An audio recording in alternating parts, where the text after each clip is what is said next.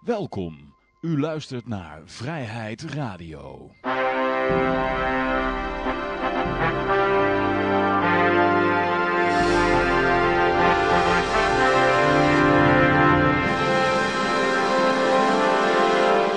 Ja, dames en heren, jongens en meisjes, dit is weer een nieuwe aflevering van Vrijheid Radio. Leuk dat u luistert. We zitten hier gezellig in Café Libertaria met op dit moment Klaas en Henk. En uh, mijn naam is Johan. En uh, wie weet komen er nog meer mensen bij. En uh, ja, goed, we beginnen even met ja, het traditionele blokje. Goud, zilver, bitcoins en de staatsschuldmeter. Ik heb hier de goudkoers, die staat net onder de petroleounce, net onder de 1300 dollar. Hij staat op 1295 en een half dollartje. De marihuana-index, ja, die is lekker op en neer aan het gaan. Hij staat op dit moment op 276, ja, 276,61. En dan hebben we de bitcoin, nou daar valt een hoop over te vertellen. Die zijn met 2000 eurotjes gestegen. Wie had dat gedacht?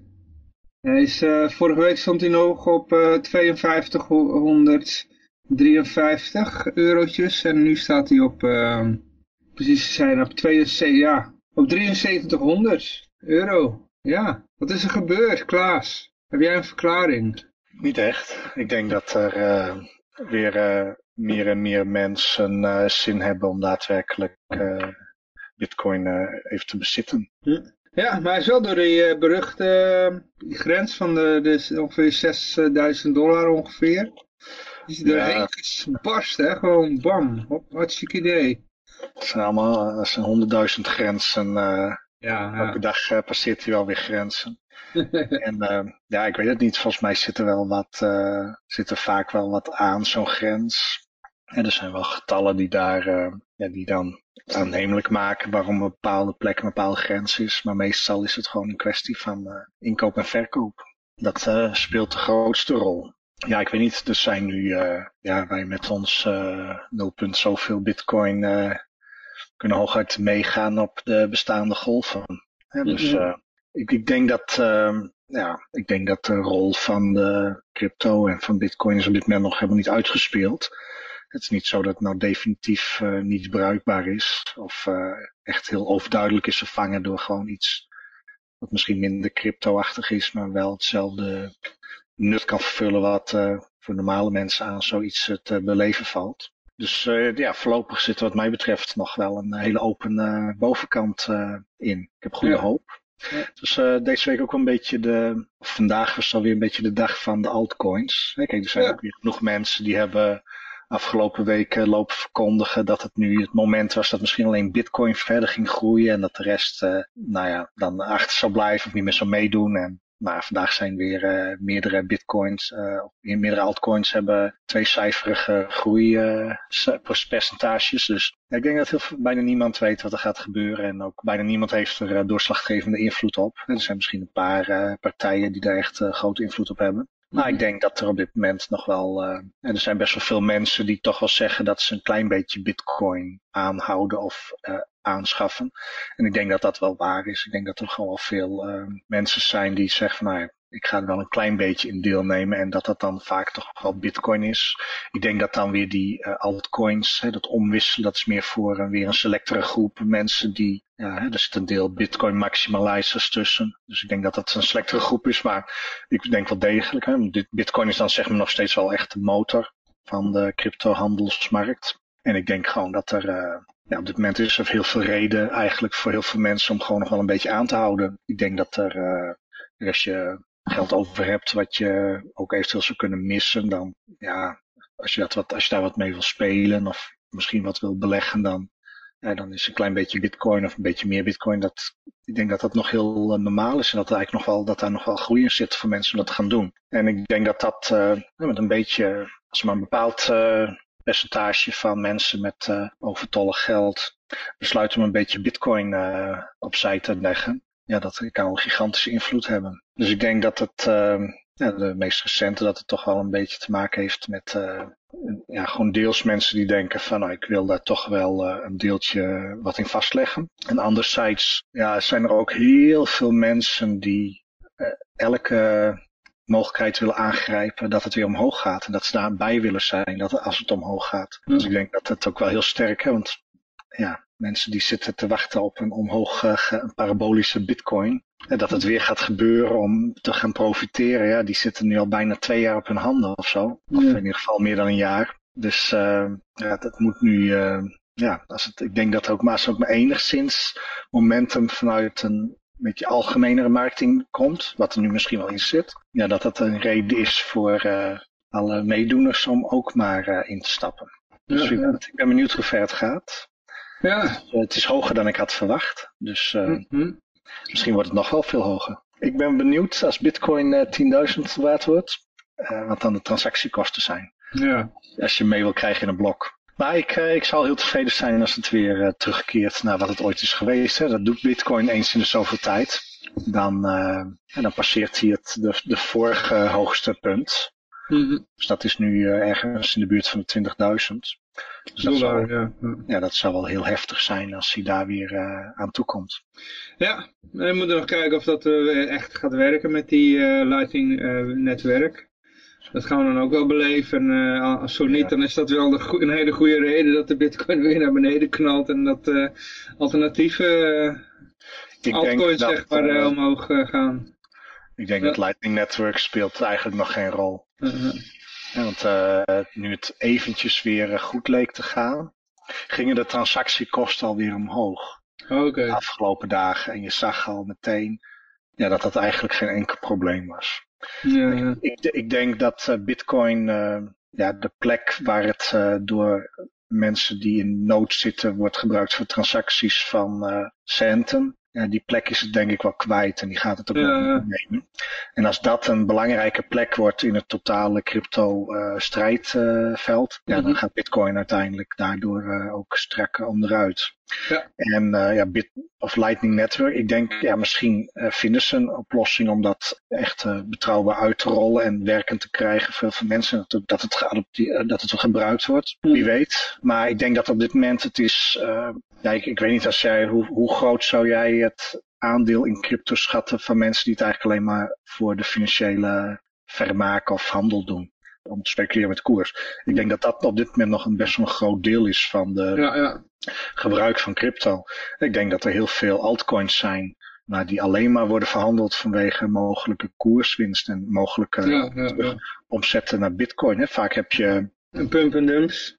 Ja, nou het is, uh, kijk, er zijn best wel veel mensen die dan toch, kijk als je het naar geld omzet, dan moet je het vaak ook weer op een bankrekening hebben en dat soort zaken. En dat is misschien voor sommige mensen ook onwenselijk. Dus die hebben dan vaak een, uh, altcoins vormen misschien in die zin ook wel gewoon een plek om uh, ja, transacties te doen via exchanges om toch op een of andere manier in die bitcoin uh, te handelen. Ja. Kijk, als jij, volgens mij zijn sommige landen die belasten als jij het, als jij het als geld hebt. Dus elke keer als je het verkoopt voor geld, dan moet je belasting betalen, zeg maar. Ja. Maar dat is, heel, heel, dat is totaal oninteressant in veel gevallen. Ja. Ja. Maar uh, ja, ik denk dat het, uh, ik hoop dat Bitcoin uh, zijn traditie voortzet van het passeren van voormalige all-time highs. Mm -hmm.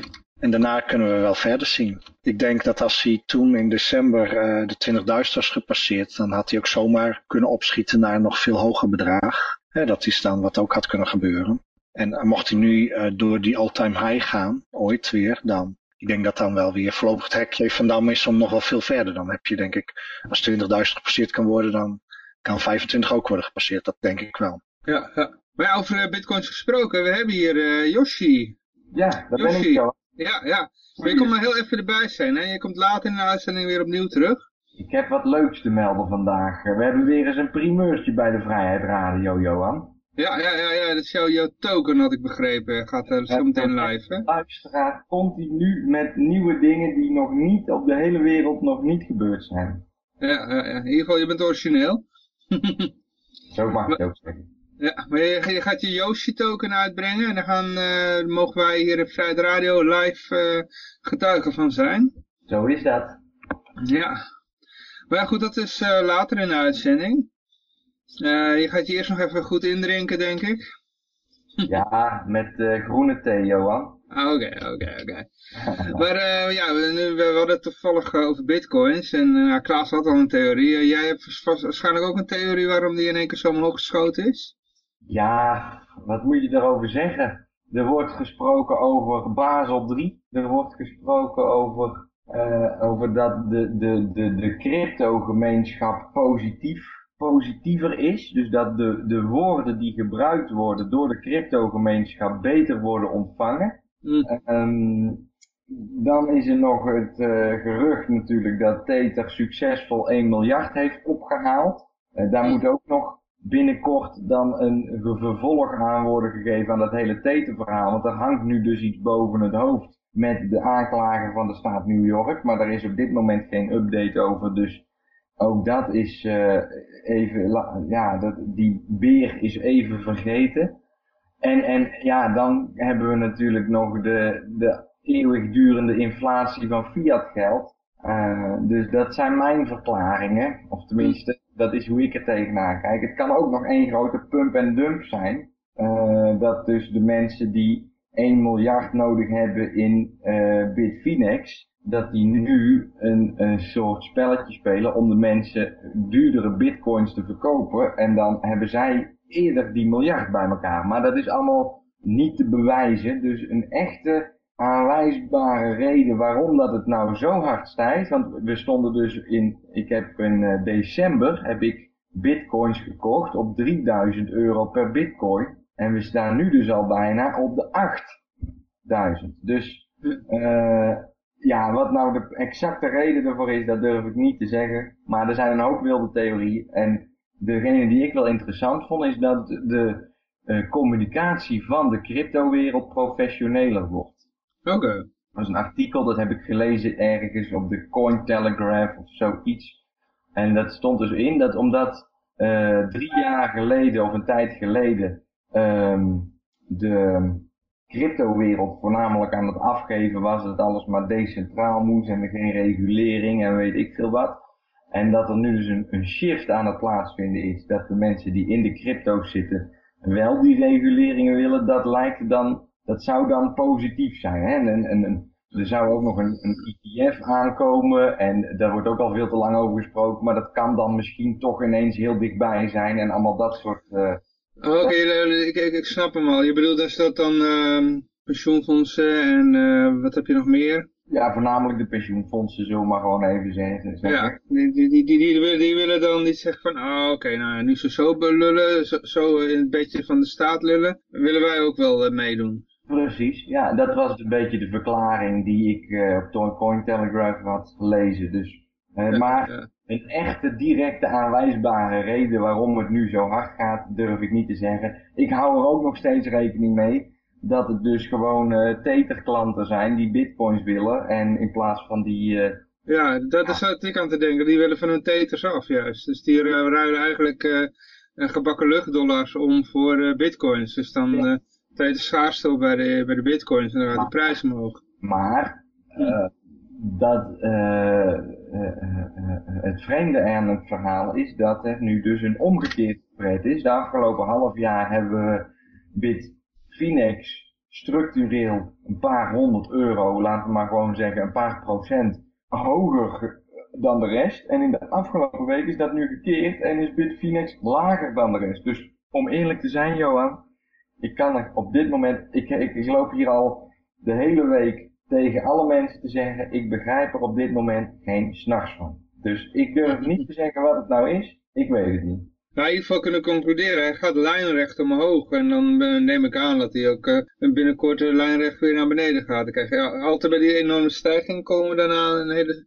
enorme correctie ook weer. Ja, ja, ja. Dus uh, daar kunnen we ook wel weer van uitgaan. Zo kijk, zo kijk ik naar de grafiek van de wereldbevolking. Dus oh, ja. het niet altijd zo gaat. Maar ja, ik zeg al, er is niet echt nieuws die het ondersteunt. Het is niet zo dat er nu bekend is dat, uh, weet je wel, er zijn wel, er zijn wel wat berichten. Bijvoorbeeld een fondsbeheerder van bijvoorbeeld pensioenen zegt nu in bitcoins te investeren, maar dat hebben ze dus al gedaan of dat zijn ze al aan het doen. Dus echt nieuws kan ik niet aanwijzen voor deze stijging, dus ik hou me ver van voorspellingen. Ik heb gezegd, Johan, om nog maar even te herhalen voor mensen die voor het eerst naar Vrijheid Radio luisteren.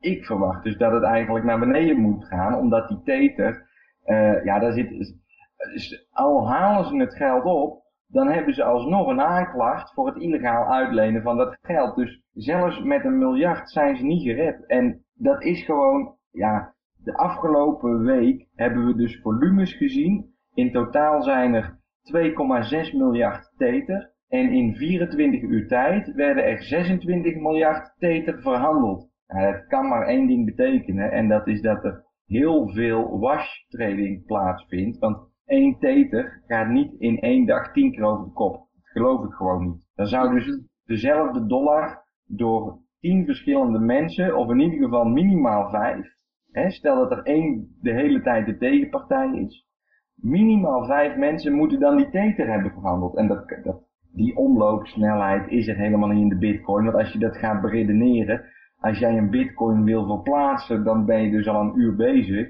Dus ik, ik geloof... Nou, dat zal dan op een beurs zijn, hè? Ja, oké, tuurlijk. Maar wie gaat er op een beurs vijf keer met een bitcoin handelen op één dag?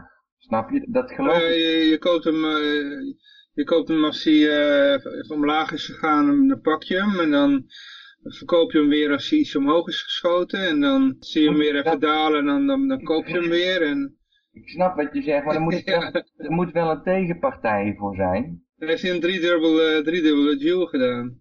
Ja, ik begrijp het, maar wie, tegen wie handel je dat dan? Dus uh, tegen mijn, anderen. Mijn theorie is dat ze dat tegen zichzelf doen. Snap je? Die, die kopen en verkopen tegelijkertijd. Nou, maar wil je wel eens met een avondje op een beurs zitten spelen, dan, dan, dan ga je heel vaak springen weer terug in de teten. Ja, ik niet, maar oké, okay, als jij het zegt. Als ja, als je echt uh, korte termijn handelt.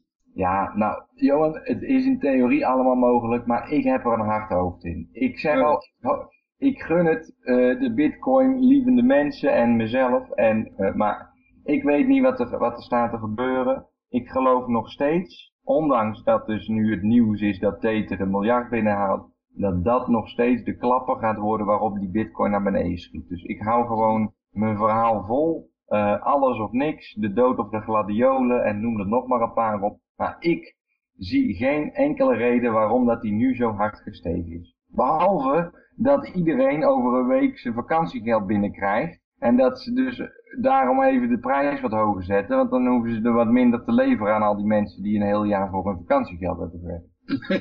ja, dat zou kunnen. Dus dat, uh, maar ja goed. Ik zeg al, ik kan er op dit moment geen echte voorspelling over doen. Mijn voorspelling dat hij naar beneden gaat is in ieder geval niet waargemaakt. Dus ik hoop niet dat de mensen shortposities in hebben genomen. Ik ben zelf aan het verkopen, een beetje. Uh, in kleine stapjes. Want ik heb dus op 3000 euro bitcoins gekocht. En uh, sinds dat hij nu op de 6000 euro staat, stap ik rustig een beetje uit. Ja. Goed, ja, zo meteen gaan we over jouw andere projectje praten. En uh, ja. Ah, primeurtje Johan, primeur. Primeurtje, ja, ja, ja.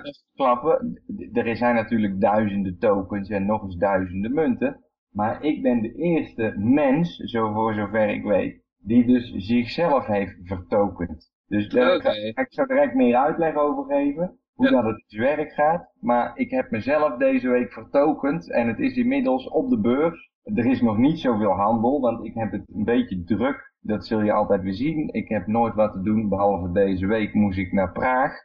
Ik ben er weer kilometers aan het rijden en op dat moment gebeurt het allemaal. Dus ja, ik moet er dit weekend ga ik er even goed de tijd voor nemen om het allemaal perfect uit te leggen. Maar het is al wel, ja, we gaan dus zo direct live. Ja. En tegen de tijd dat de uitzending er is, is die op de beurs. Ja, nee, jij bent niet de enige. Ik heb mezelf ook vertokend, hè. Alleen ik ben niet verhandelbaar. en Vrijheid Radio heeft zichzelf ook vertokend. Uh, waarschijnlijk, ja, Vrijheid Radio was er eerder mee bezig dan jou, hè. Dus Vrijheid Radio, die was, uh, maar dat is geen persoon, hè. Alle lof voor jou, want jij hebt me gelezen. Ja, ja. Je, je mag jezelf even die voorzet geven. En misschien heeft Roger het al lang gedaan, dus uh, die kwam er mee. Ja, ja, ja. Nou, ik, heb het, ik heb het via jou, maar um, toen ik het zag, dacht ik van nou, is eindelijk een platform waar ik mee kan werken. Dus, um, ja. Nou. Goed, nou ja, ik schenk er nog even eentje in. En uh, dan spreken we jou uh, ja, uh, vanavond weer. Goed zo. We doen eerst nog even een paar nieuwsberichtjes. En, en nog een paar, oh, oh, we hebben nog natuurlijk de staatsschuldmeter en de fertility index. We ook nog.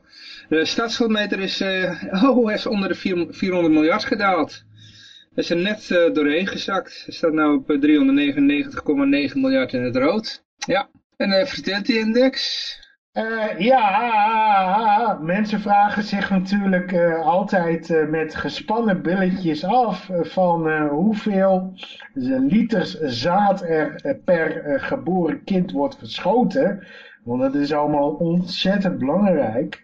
Nou, de ene keer is het wat meer en de andere keer is het wat minder.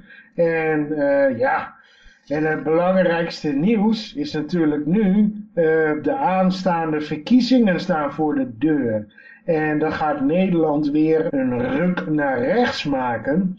En wat voor gevolg heeft dat dan op het aantal liters verschoten zaad per geboren kind?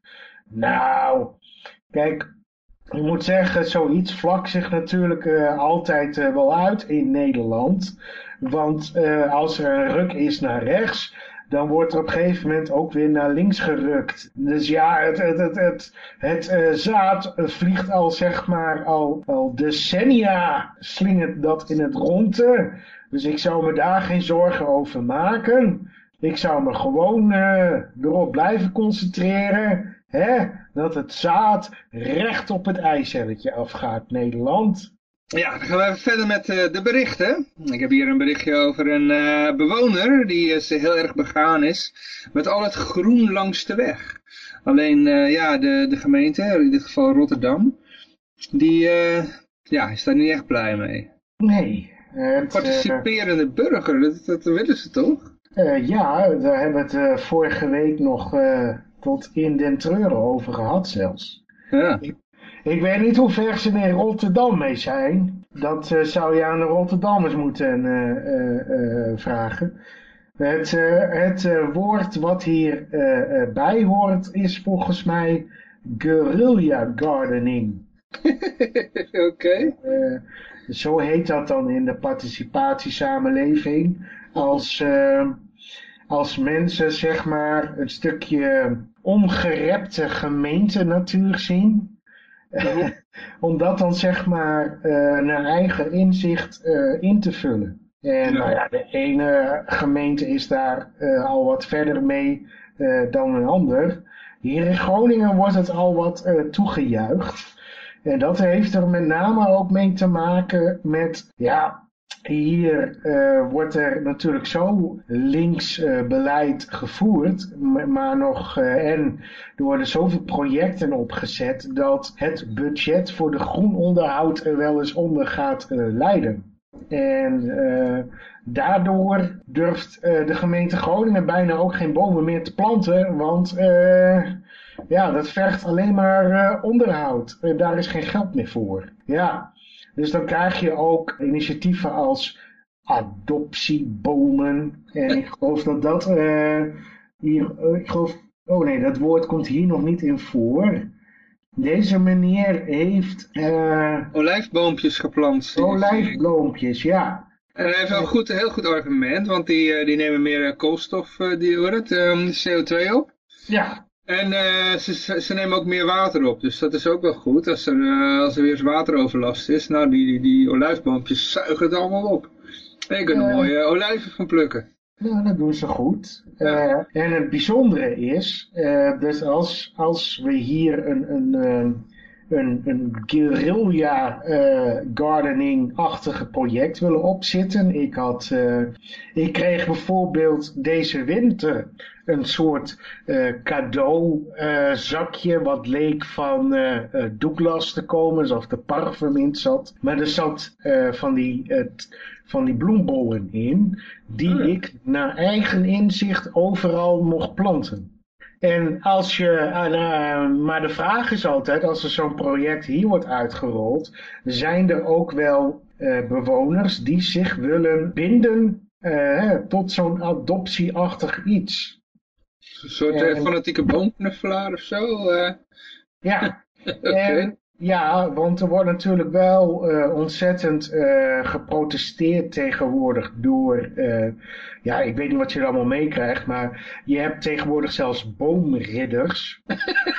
Oké. Okay. Als er ergens 40 bomen moeten worden ge, gekapt, oh, ja. dan staan zij op hun achterste poten. Dus dat bestaat al allemaal wel. Maar het is ons heel lastig hè, om, uh, om, om bewoners uh, te vinden die dan zeggen van nee, dat gaan wij wel onderhouden. Dus dat is al allemaal een hele rare dynamiek.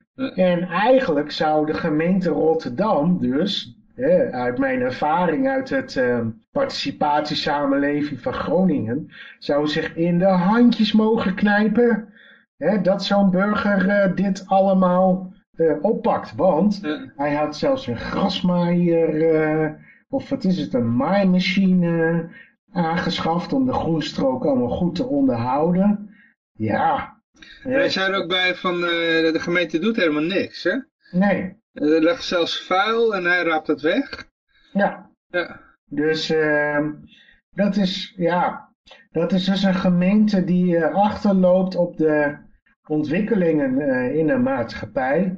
En, laten we wel wezen, uh, zich afzet tegen de troonrede van, uit mijn hoofd 2014, uh, waarin de participatiesamenleving werd afgekondigd. Ja. Hè? Dus, Klaas, je zucht? Ja, verder geen reden. Oké. Okay. Hoe gaat het in Bulgarije? Prima. En hoe pakken ze dat, hoe pakken ze daaraan? Je hebt hier gewoon nog natuur, hè?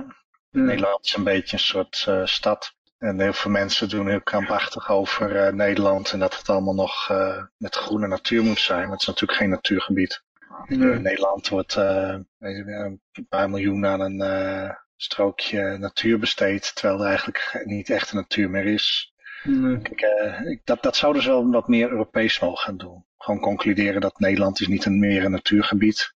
En er zijn gewoon heel veel gebieden in Europa waar je nog gewoon, uh, als je maar ver genoeg een uh, dorp verlaat, dat je in de wildernis komt. Ja. En dat is in Nederland gewoon niet zo. Ja, je kan de zee inlopen. -huh. Maar dat is ook een vrij gecultiveerd gebied in Nederland. Ja. Als Nederland dan gewoon bij Duitsland had gehoord, dan, uh, ja, dan, dan had niemand er moeilijk over gedaan. En dan was het gewoon duidelijk dat we bij het Roergebied hoorden, toch? Ja, en dan in Duitsland is nog wel daadwerkelijk wildernis te vinden. Ja.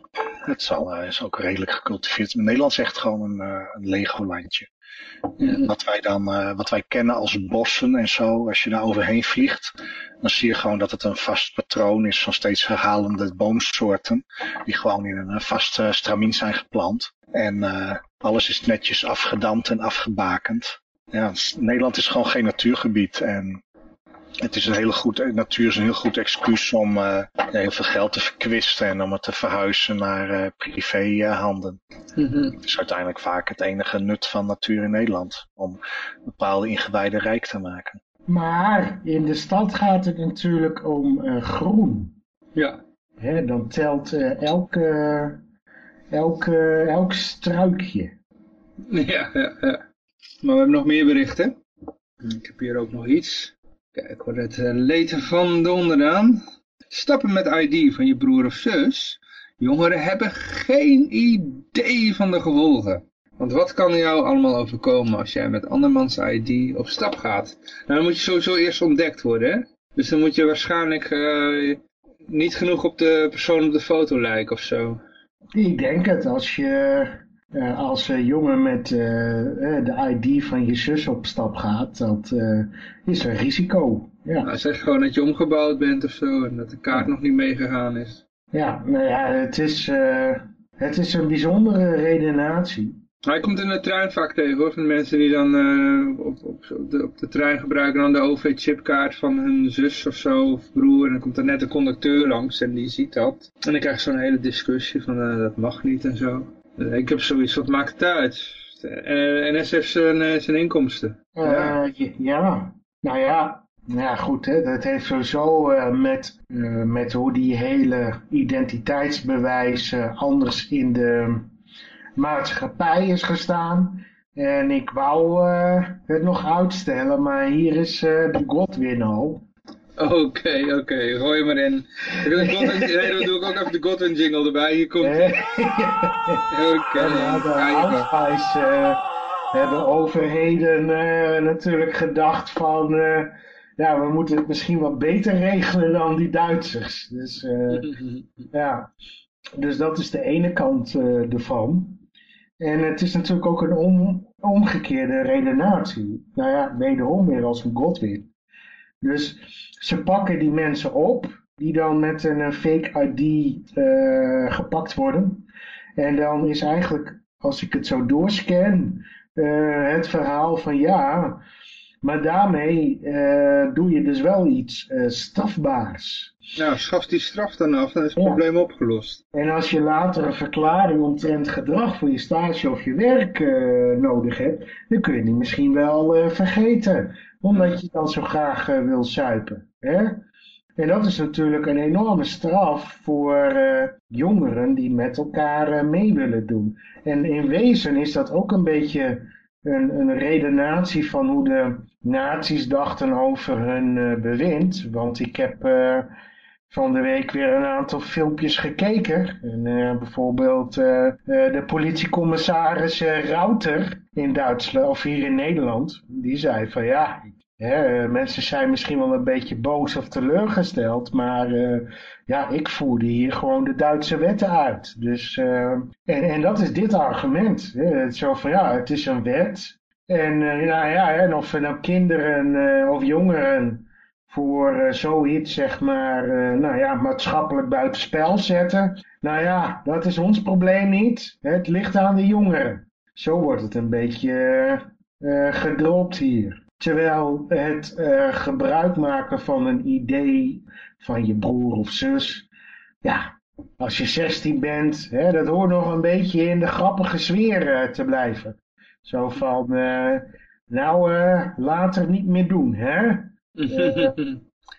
dat zou veel menselijker zijn met, dit soort, met dit soort identiteitsfraude. Ja. Ja, want onderschat het niet. In mijn studententijd hadden wij zeg maar een, een, schoonmaker in de flat. En hij was ooit een keer gepakt door de belasting. En daar praatte hij altijd over. Maar de angst, zeg maar, die dat had op, opgeleverd, zeg maar, door er gewoon een keer uitgepakt te worden, dat is best wel enorm. En veel mensen zouden zeggen ook buitenproportioneel. als je zeg maar onder elkaar bent, onder, in een gesprek of onder een glas bier, dat je zegt van nou, dit is wel vrij cru, zeg maar, voor een fout of een paar dubbeltjes of hè. Maar goed, de overheid wil daar dus inderdaad hard op zitten. we moeten al, ja, wanneer moeten wij de ideeën laten zien? Nou, in dit geval is bijvoorbeeld als jij als jongere zeg maar een discotheek in wil. Sommige, sommige discotheken mag je onder een bepaalde leeftijd er niet in. En dan, van, omdat er drank geschonken wordt of zo. En dan, ja, dan moet je ID laten zien aan zo'n bewaker bij de deur. Mm En hier voert ook een, een horeca-eigenaar een argument aan. Die zegt ook van, ja, we willen natuurlijk zo snel mogelijk al die mensen naar binnen hebben. Maar als die bewaker uh, heel grondig al die ID's moet gaan uh, bekijken, ontstaat er een lange rij. Die er sowieso toch al is. ja. En uh, ja, dat kan wel eens verkeer op de straat blokkeren, weet je wel. Dus... En, en, de, en de achterste in de rij die kunnen misschien afhaken en denken we gaan naar een andere kroeg. Maar... Ja. Ja, maar ja, dat vind ik een beetje een raar lulargument. Want die lange rijen bij die discotheken zijn er altijd, weet je wel. Ja. En, en bij, bij drankverkoop in de kroeg ook. Hè? Dus uh, als je in een kroeg uh, bent of in, in, in, de Albert Heijn, dan moet je, als, als, als je jong bent, of je ziet er nog jong uit, moet je ook je ID laten zien. Ja, maar wat ik bedoel is sinds welk jaar uh, speelt die shit, zeg maar? Een paar jaar. Een jaar of tien, zoiets toch? Ja, ik weet het niet. Ik heb, we hebben het nog wel eens behandeld in, uh, in de uitzending, dus uh, zo lang is het nog niet. Nee, hè? dus uh, moet je nagaan. Het is korter dan de Vrijheid Radio bestaat. Ja, en, maar dus moet je dus nagaan hoe, hoe, hoe, ja, hoe wij zeg maar in al die tijd ervoor dat wij het Koninkrijk de Nederlanden zijn, zeg maar, hoe we dat klaarblijkelijk hebben overleefd als samenleving. Ja, je ziet wel dat de jongen, de jongelui creatief mee omgaan. Tuurlijk. Tuurlijk gaan ze daar uh, creatief mee om.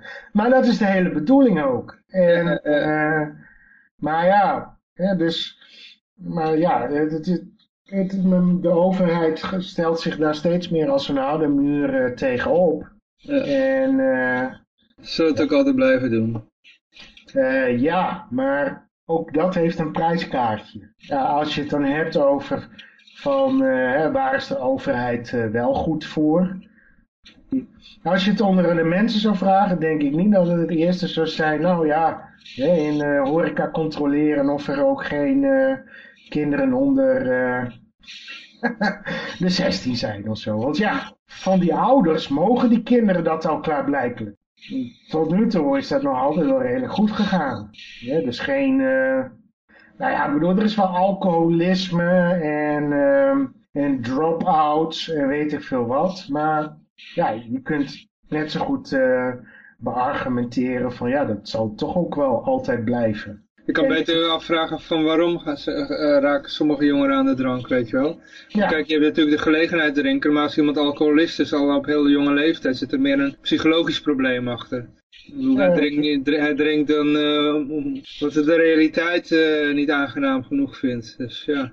Ja, nou ja, en het is, uh, en uh, ik denk zelf dat uh, 18, want op die leeftijd ligt het toch al, onder de 18 geen drank meer. Ja, het argument daarvoor was dat te maken met de ontwikkeling van de hersenen. Hè? Dus, ja. maar dat is ook weer een gemiddelde, maar over het algemeen zijn, wordt, gaat de hersenen pas rond je twintigste uitontwikkeld zijn. En daarna maakt het verder niet, meer zoveel uit als je veel drinkt. Dan is het meer een probleem voor je lever en zo. Maar en, en dat argument is uh, waarschijnlijk ook al een keer geweest.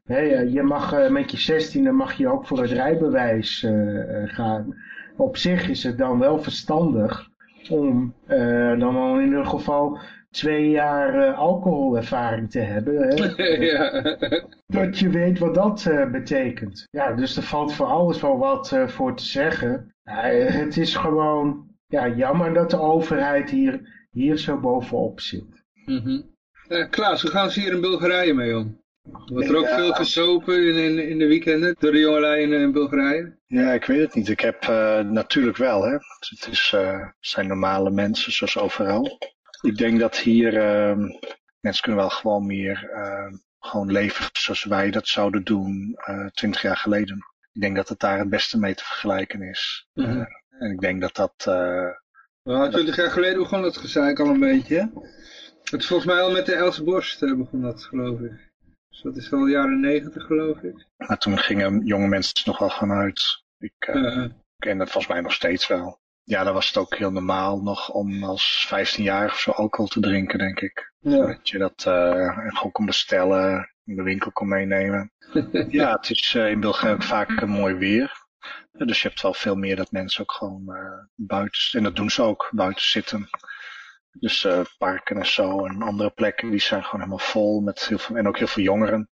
En die hebben er ook wel bier bij, maar ja, het is niet, eh, wat, ik, wat ik wel merk, kijk, je kan hier bijvoorbeeld ook elke dag wel vuurwerk kopen, Mhm. als je dat wil. En er is nooit troep van vuurwerk. Nee. En sowieso met meer dingen, ja, ja omdat niks wordt Dat is, gehandeld. dat is trouwens in de meeste landen zo, dat je gewoon eh, het hele jaar door vuurwerk kan kopen en het wordt alleen afgestoken bij feestjes en speciale gelegenheden. Ja, precies. Ja, dus alleen in Nederland heb je dan die, die wet van, ah, dat mag alleen met oud en nieuw. En dan zie je dan in, dat mensen massaal gaan afsteken. Ja, En eh, dan krijg je al die ongelukken. dan gaat iedereen zich gedragen als een eh, onverantwoordelijke maloot. Ja, ja. Omdat ze, dat krijg je als je alles gaat monitoren en handhaven. Ja. Ja, dan een deel van de mensheid eh, gaat dan zich misdragen bij elke mogelijke gelegenheid. Ja. Als je mensen gewoon veel bredere algemene verantwoordelijkheid geeft. Ja. En dan gedragen ze zich over het algemeen ook beter. En ik denk dat, dat je dat meer in Bulgarije ziet. Ik denk dat aan de ene kant kinderen hier meer kunnen doen. Dus als je hier 15 bent, kun je misschien nog wel. En er wordt natuurlijk nog wel binnen gerookt op sommige plekken, dat soort zaken. Aan de andere kant gedragen mensen zich over het algemeen veel vol- volwassener. Op alle leeftijden Mhm. dan in Nederland. Ik denk dat eh, ja, af en toe eh, lijkt Nederland een beetje kinderachtig. Mhm. Als je ergens anders eh, vandaan komt, waar mensen zich wat meer verantwoordelijk gedragen. Maar dat zijn vast ook wel, eh, altijd weer uitzonderingen te vinden. Maar je hebt hier ook gewoon mooie natuur. Hè? Je kan, er zijn hier heel veel plekken als je gewoon even een stukje gaat wandelen, dan ben je gewoon in de natuur. Ja. Sowieso wel rustgevend, denk ik. Als in een land van Nederland, het maakt niet uit waar je bent, je, je ziet altijd wel andere mensen, je ziet huizen en dat soort zaken. hele andere wereld. Alles is plat. Je kan al, alles goed, uh, is klein. Hm.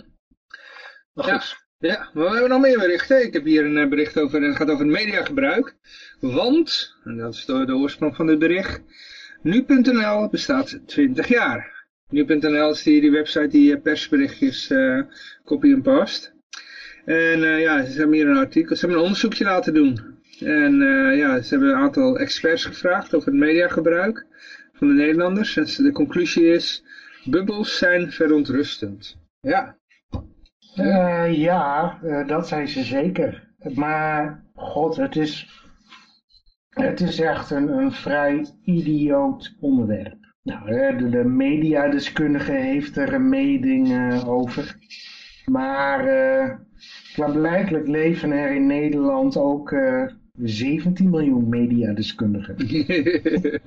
en... Uh, ik zal even in het kort eh, zeggen waar het bericht over gaat. Ja. Dat is een, uh, ja, die heeft dan zo'n uh, onderzoeksbureau uh, ingeschakeld. Dat is meneer Wijfjes. Meneer Wijfjes, ja. Ja, ja maar is van een, van een of ander bedrijf. panel Inzicht. Panel Inzicht. Ja, oké. Ja. Uh, dat is het bedrijf dat uh, gevraagd is om onderzoek te doen. En dan, uh, het gaat dus niet over de Nederlanders, maar het gaat over de groep, vaak zijn het werkelozen, die dan gevraagd worden. In ruil voor een tientje. Mogen ze dan in een, in een groepje zitten oude Neden. Mm. En 63% daarvan die heeft dan een bepaalde mening. En dat is dat ze, ja, ze ervaren een kloof tussen de media en hunzelf. Dat is verontrustend. Uh, ja, maar dat, dat, dat zou eigenlijk verder moeten worden gevraagd van wat betekent, uh, wat bedoelt u daar nou mee? Ja, dan moet je even naar beneden scrollen. Oh. Ik heb alleen maar de aanhef opgenoemd. Nee, als zeg maar zo'n zo burger zeg maar zegt van nee, de media is niet al te zuiver meer. Oké, maar wat bedoelt u er nou mee? Hè? Of zo'n ehm, nou ja, waar het op neerkomt, mijn inschatting, en dat is echt al van de laatste 15 jaar, er is ook zo'n gevoel van een conspiracy. Van hè, de media houdt zelf zaken achter. Of uh, de media uh, verdraait uh, feiten om een politieke kleur te laten schijnen. En ja, voor zulke stellingen valt altijd wel bewijs te vinden. Daar hoef je geen moeite voor te doen. En dan maakt het verder niks uit of je moslimknuffelaar bent of ehm, nou ja, weet ik veel. Maar het gaat vaak daarover. En van ja, toevallig was er gisteren hier in, in de buurt ik ga het toch over mijn wijkje hebben, Klaas. Ja, prima, ja. Doe maar even. Was er een moordpartij? Was er een moordpartij? Ja. Dus de politie doet een bericht uit van willen jullie kijken naar dit en dit signalement. En de omschrijving was Zuid-Europees. Okay. In de reactie op um, op uh, van uh, willen, uh, willen jullie kijken naar een Zuid-Europees man met een capuchon en weet ik veel wat. Ehm, stond, stonden een aantal reacties die gingen over van ja, het zijn weer die asielzoekers die in bootjes deze kant opkomen. Terwijl we weten uh, niet wat er is voorgevallen. We weten niet hoe Zuid-Europees uh, uh, de persoon in kwestie echt was. Misschien was het gewoon Marco Borsato. ja. Dat is ook een Zuid-Europees uiterlijk, toch? Ja. Hè? Of de plaatselijke Italiaan waar mensen door de week hun pizza halen. Hè? Je weet het niet. Maar toch hebben mensen het gevoel dat uh, zeker als het gaat om uh, integratie, immigratie, dat de, dat de politie met name dat soort zaken ehm, buiten de berichtgeving houdt. Nou ja, ik kan ermee leven dat ik het niet zeker weet. Of het zo is, of het niet zo is. Maar uh, andere mensen, uh, die, die staan er weer anders in. En uh, die willen het weten. nou ja, volgens mij werd er vorige week ook over gehad. Is het, hè, met de vraag, is het wel mogelijk om alles via de media te weten te komen? En dat schijnt gewoon vrij moeilijk te zijn, want de media maakt als de mensen die ze zijn ook nog menselijke fouten. Sowieso. En dat was vorige week ook verteld, een expert weet het altijd beter, hè? Uh, ja. Ja, ja uh, maar, ja, maar ook, uh, ook, dat, ook dat is soms hele vage shit. Ja, maar kijk, als je heel erg veel over een bepaald onderwerp weet en, en je leest dan een nieuwsartikel, dan denk je, hé, hey, maar dit, dit klopt allemaal niet. Ja. Ja, Klaas die kwam, van mij was jij dat Klaas die er vorige week mee kwam. Als iemand heel erg veel weet van een bepaald, bericht, van, van een bepaald onderwerp en die leest dan zo'n nieuwsbericht. uh, amnesia.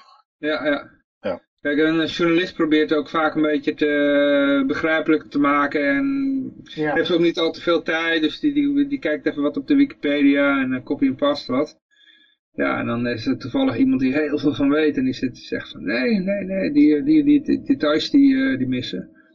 Of uh, het zit wat genuanceerder of. Uh, ja, toevallig. Uh, en dat is volgens mij vandaag op de kop af ook 18 jaar geleden. ook nee, 19 jaar geleden.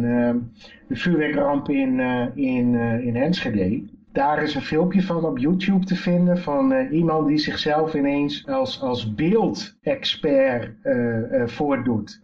Terwijl het enige wat hij had gedaan en ook in zijn opleiding en weet ik veel wat, was uh, niet meer dan uh, uh, uitvogelen hoe Adobe, ja hoe heet dat programma van beeld, dat je je beeld wat opgeilt, zeg maar. Een Photoshop of zo? Zoiets, ja nee, het gaat om bewegend beeld. Ja, ik weet niet, Sony Vegas of zo, maar dat is van Sony, ja. Maar goed. Zoiets. Beeldbewerkings, videobewerkingsprogramma, ja. Precies, hè, maar... Uh, After Effects? Zoiets, ja, ja, zoiets, weet je wel. In plaats van, uh, nou ja, weet je, dat die man echt uh, jarenlang studie heeft gehad en kaf van het koren heeft weten te scheiden. Ja, die man had gewoon op zijn zoldertje paar uh, lessen in dat Adobe-programma uh, gehad. En deed gewoon flinke uitspraken over beeldmateriaal. Van, nou, hier gebeurt er dit en hier gebeurt er dat. Krijg je nog voor betaald? nee, maar zijn getuigenis is wel gebruikt in een van de zaken eromheen. Oké. Terwijl hij wist er gewoon niks van. Dus het woord expert is soms ook inderdaad uh, vrij uh, apart. En, uh, voor, en je hebt dus ook experts nodig die de e expertise weten te herkennen. En nou ja, dat lijkt ook bij die vuurwerkramp niet helemaal goed te zijn gegaan. Oh, ja. En dus er is, of het gaat ook om de conspiratiehoek, de Belmeramp, het, uh, en we hebben het er ook al over gehad. En aan de ene kant kun je zeggen van... Het is een behoorlijk chaotische situatie waarin het vaak uh, moeilijk uh, helder te krijgen is wat er nou precies aan de hand is. Mm -hmm. En vaak is het ook nog zo dat uh, tegenstrijdige berichten zijn. een paar maanden geleden met die ehm, aanslag in de Utrechtse tram daar deed zelfs de burgemeester andere uitspraken eh, tegengesteld eh, ten opzichte van de nationale eh, coördinatie van terrorisme en veiligheid. Dus ja, er wordt wat dat betreft sowieso, als je erin mee wil gaan met het verhaal, wordt er heel veel aan vertrouwen verwacht en gevraagd. Nou ja, maar dat, ik denk niet dat je dat uh, de media uh, uh, kwaad kunt nemen, eigenlijk. Maar in het, artikel wordt er trouwens ook gesproken dan over mensen die dan zich terugtrekken in allerlei Facebookgroepjes bijvoorbeeld. En die da daar een bevestiging van hun beeld krijgen. En wat dan weer afwijkt van wat ze in de media lezen. Dus nou goed, ja, wat jij al noemde, het conspiracy denken. Ik, zie hier nog wat meer dingen in het artikel staan. Uh, hier zijn wat cijfertjes op een rijtje uh, over de kloof. 37% vindt dat de media weinig aandacht schenken aan problemen in de maatschappij die, die er volgens hen dan leven. 53% wil dat de media de maatschappij meer betrekt bij het nieuws. Maar 45% is bang dat de media wordt bepaald door de elite. Dat is bijna de helft. Ja, ik ben ondertussen al uh, zover. Uh, zo van ja, weet je, het is uh, gegeven dat mensen zo denken. En daarvoor heb ik niks anders nodig gehad dan gewoon, nou ja, zoals ik al zei, gewoon comments lezen onder nieuwsberichten dan lees je al gewoon wat mensen verwachten. En dus zeg maar bij die steekpartij hadden mensen dus al gelijk uh, verwacht of zo dat het een, uh, een Syrië was of zo. En als het uh, niet blijkt te zijn, ja, dan is het maar verdacht of zo. Ik heb ondertussen ook niet het idee gekregen dat mensen dan dat beeld erbij willen zetten. Van, nou, dat is nieuwe informatie. Laatst nog heeft de plaatselijke PVV'er hier in Groningen een, uh, iets getweet over uh, geweld tegen homo's. Terwijl, ja, volgens mij is nog steeds de meerderheid van het geweld tegen homo's komt nog steeds door autochtonen. Dus nou ja, social media is natuurlijk, wordt ook heel veel gebruikt nu om een spin eraan te geven. En ja, het verzuilt. Maar ja, toevallig had ik vandaag nog een gesprek over Jehovah-getuigen. Wat je ook kunt zien als een soort verzuiling.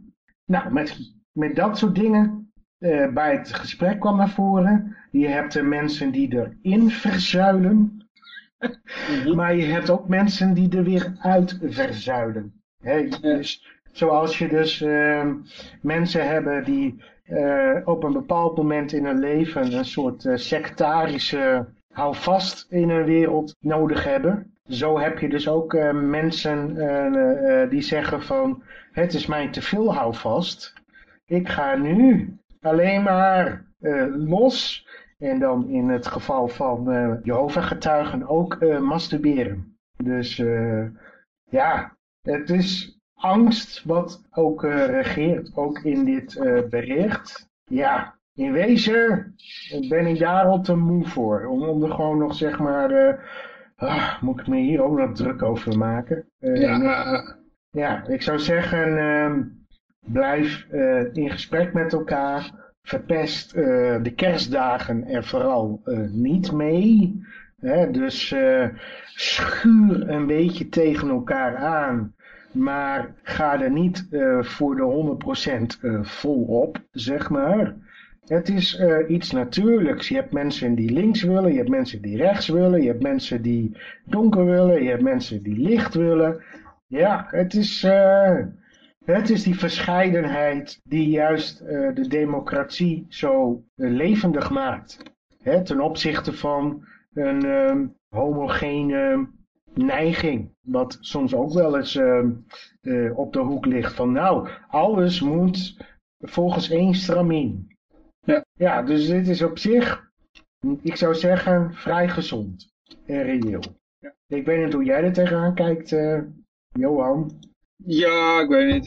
Het is, gewoon weer, uh, voor mij, mijn, uh, mijn idee is gewoon een, een, een onderzoekje van zo'n bureau. En uh, naar mijn weten zitten daar vooral werkeloze mensen met elkaar te, te ouwehoeren in ruil voor, cadeaubonnen. En ja, het echt meer over hun, iets over hun mening dan dat, dat het dat, wat daadwerkelijk iets over de, de maatschappij zegt. Dus het zegt iets over, dus ik las dat er duizend mensen aan meegedaan hebben. Nou ja, dat zijn inderdaad meestal uh, huisvrouwen, werkloze studenten, iedereen, ja, iedereen die, die in zo'n groepje wil zitten, een, een, half uur lang ouwe hoeren, ruil voor uh, eh, 10 euro aan cadeaubon of zo. Dus ja, daar is de mening van. Ja. ja. Maar we hebben nog een artikeltje en die, dat, die komt van Klaas. Dus dit is wat Klaas bezighoudt. Dus als je het op, eh, op de linkje klikt, dan zie je een, eh, een blote vrouw. Eh, ergens, ja, allemaal foto's van een blote vrouw tussen oude Egyptische dingetjes. En ja, in ieder geval zijn een paar mensen boos over. Klaas, wat is er aan de hand? Ja, bloot mag niet. Hè. Oh, waarom niet? Is toch mooi? Dat weet ik niet. En de tepels zijn netjes afgedekt met eh, emoticons. Ja. Nee, maar het is, eh, iemand heeft de moeite genomen om de blote mevrouw en haar cameraman eh, op te sluiten. Hm. Waarvoor eigenlijk, ja? Ja, geen idee. Verbloot zijn. Ze is wel vrij vlot voor de rechter gekomen. Oké. Dus dat is me dan nog iets, denk ik. Is, is ze Egyptisch? Of? Nou ja, je hebt eh, niet gelezen, je hebt alleen maar plaatjes gekeken. Ja, ja, ik word erg afgeleid. eh, sorry. Maar vertel even voor de luisteraar, die kan al die plaatjes niet zien. Wat is er allemaal Ja, eh, komt ze uit een ander land en het is haar eh gimmick. Ze reist, gaat dan op reis en dan gaat ze bloot op de foto op verschillende plekken. Oké. En dan, eh, ja, dat is leuk voor mensen om daar naar te kijken. Ja, ja. En wat was de reden dat jij dit eh, in de groep gooide? Nou ja, er is, ehm, kijk, ze is opgesloten voor de rechter. Dat, is, dat moet jij betalen als belastingbetaler. Dus jij moet ervoor betalen om iemand op te sluiten die naakt foto's heeft gemaakt. En ja, dat vond ik wel een beetje iets waar wij mee bezig zijn in, de, in onze uitzending. Eh, eh, Maar zou er niemand in Egypte eh, eh, die prijs willen betalen dan? Zo van, eh, hoor, ik, eh, ik heb heel graag eh, dat die eh sloerie in het schafot komt. Vast wel. Die zijn er vast misschien ook al in Nederland. Maar zo Ja? gaat het niet. Ja, het is ook niet, ze zijn ook niet eh, naar een of andere besloten eh, feest gegaan om eh, mensen daar te confronteren met de naaktheid. Ze zijn gewoon naar een openbare plek, naar een ho- hoop oude stenen gegaan. Dus eh, eh, Hm. ik zie het probleem niet echt. Dat, oh, de dame in kwestie heet Marissa Papen. ja. Ze komt uit België. En ze, is Oh, al, ze heeft dit soort dingetjes al in eh 50 andere landen probleemloos kunnen doen. Gewoon Ja. naakt bij bekende gebouwen staan. ja, verbaast me niks. Ja. Is de eerste keer dat het haar eh, overkomen is. Nou, ik kan even googlen op haar naam bij Google Images. Ja, en zie je inderdaad eh, naakt eh, bij de, hoe heet dat, dat ding, de Hagia Sophia. Zonder emoticons op de tepel. Aha, Ja, ja. En eh kijken hoor, waar staat ze nog meer? Ja, ze poseert ook wel eens met kleren aan, zie ik. ook wel. Ook wel eens, ja. Bloot over een zebrapad met een kruis op haar rug. Het zal wel het, dat dingkoepeltje zal wel het Vaticaan zijn. Ja, en eh, midden op de Sint-Pietersplein. Is ook naakt eh, geposeerd. Kijk eens aan. Ja, eh, en eh, even kijken. Ze was er bloot een krantje zitten lezen op een terras. Ja, kijk, met zo'n zo'n lichaam kan je het natuurlijk maken, hè, om eh, gewoon bloot overal te gaan zitten. Ja, precies. Ja. Eh, ja, het is eh, sowieso voor de avonturiers eh, eh, verstandig om eh, goed uit te zoeken wat wel of niet mag in een land. Ik kan mij nog eh, het voorval van Matt Herben herinneren. Hij, heeft een keer problemen gehad in Griekenland Oké. vanwege zijn hobby. En dat is, Oh, dat is vliegtuigspotten. Oké. In het ene land is dat geen eh, probleem, maar eh, in Griekenland eh, is dat, ja, dat is poging tot terrorisme zo'n beetje. Dus, en staatsgevaarlijk. Dus die heeft zich daar flink uit moeten lullen. Maar goed, dat, kan, dat kon Matt Herben dan wel. Dus Eh, Hij ja, had natuurlijk een lijntje hè, daarboven. ja, ja, hè? En dus, eh, eh, nou ja, eh, als het gaat om drugs, eh, dan eh, weten veel mensen dan nog wel wat de regels zijn in een land. Ehm, eh, als we het dan toch over zandlanden hebben. Ik leerde dus van de week dat in een aantal Arabische landen het strafbaar is om niet te vasten. Oké. Dus, Je moet ja. gewoon meedoen met de Ramadan. Eh, ja, eh, op eh, straffen van, van arrest. Dus, ehm, nou ja, en natuurlijk het alcohol en dat soort dingen. Ja, dat verschilt dus per land. Nou, ik ben inderdaad wel eens een keertje op een moslimresort beland. Waar gewoon moslim-only rules waren. Ja, we hadden het niet door. We hadden dachten van, hé, hey, leuk, wat een leuk goedkoop eh, resort. En dan heeft, staat hoog aangeschreven. Maar ja, alles was in het Turks. Mhm. Toen eh, nou ja, hadden we daar eh, wat geboekt, kwamen we daar. Eh, was er geen alcohol in de koelkast. En zij bellen, "Eh, waar is het bier? Ik vond het wel raar dat, dat, dat mevrouw met de hoofddoek naar binnen moest. Hm.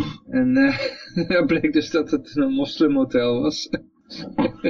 maar ja, toen kwam die, die jongen die de, de handdoeken kwam verschonen, die kwam toevallig langs.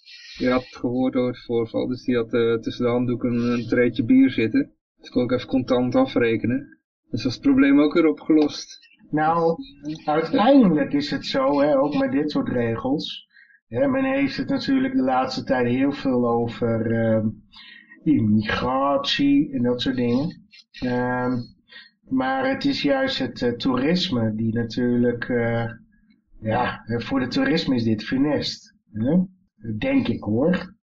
Mijn ervaring is, eh, wat ik er dan mee heb gemaakt, goed, ik heb alleen Turkije meegemaakt, dus dat er altijd wel een, eh, doeltje valt te doen. We zijn even nog een keer, nog een keer, andere keer ook nog in een moslimwijk beland, in een hotel. En dat was een heel streng conservatieve wijk, bleek, eh, we merkten toen we daar kwamen. En, maar ja, daar was echt een steegje en een trappetje naar beneden. Dan er was er een keldertje en daar werd weer volop alcohol verkocht. En andere dingen, dus ja, er valt Ja. overal weer wat te regelen daar. Dus eh, dat is wat mooi aan die moslimlanden.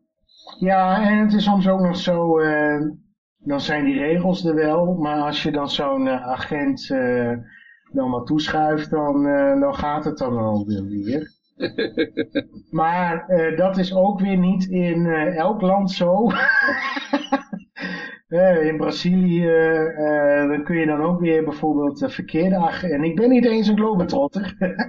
maar dan kun je ook weer de verkeerde agent treffen en dan kom je weer nog verder in de problemen. Dus... ehm, Dat eh, een, een teger, iemand die een teger is, die zegt eigenlijk eh, dat hij een nog hogere prijs wil. Dus eh, ja, het is alleen maar integer, integriteit in, eh, bij ambtenaren is alleen maar het opvoeren van de prijs.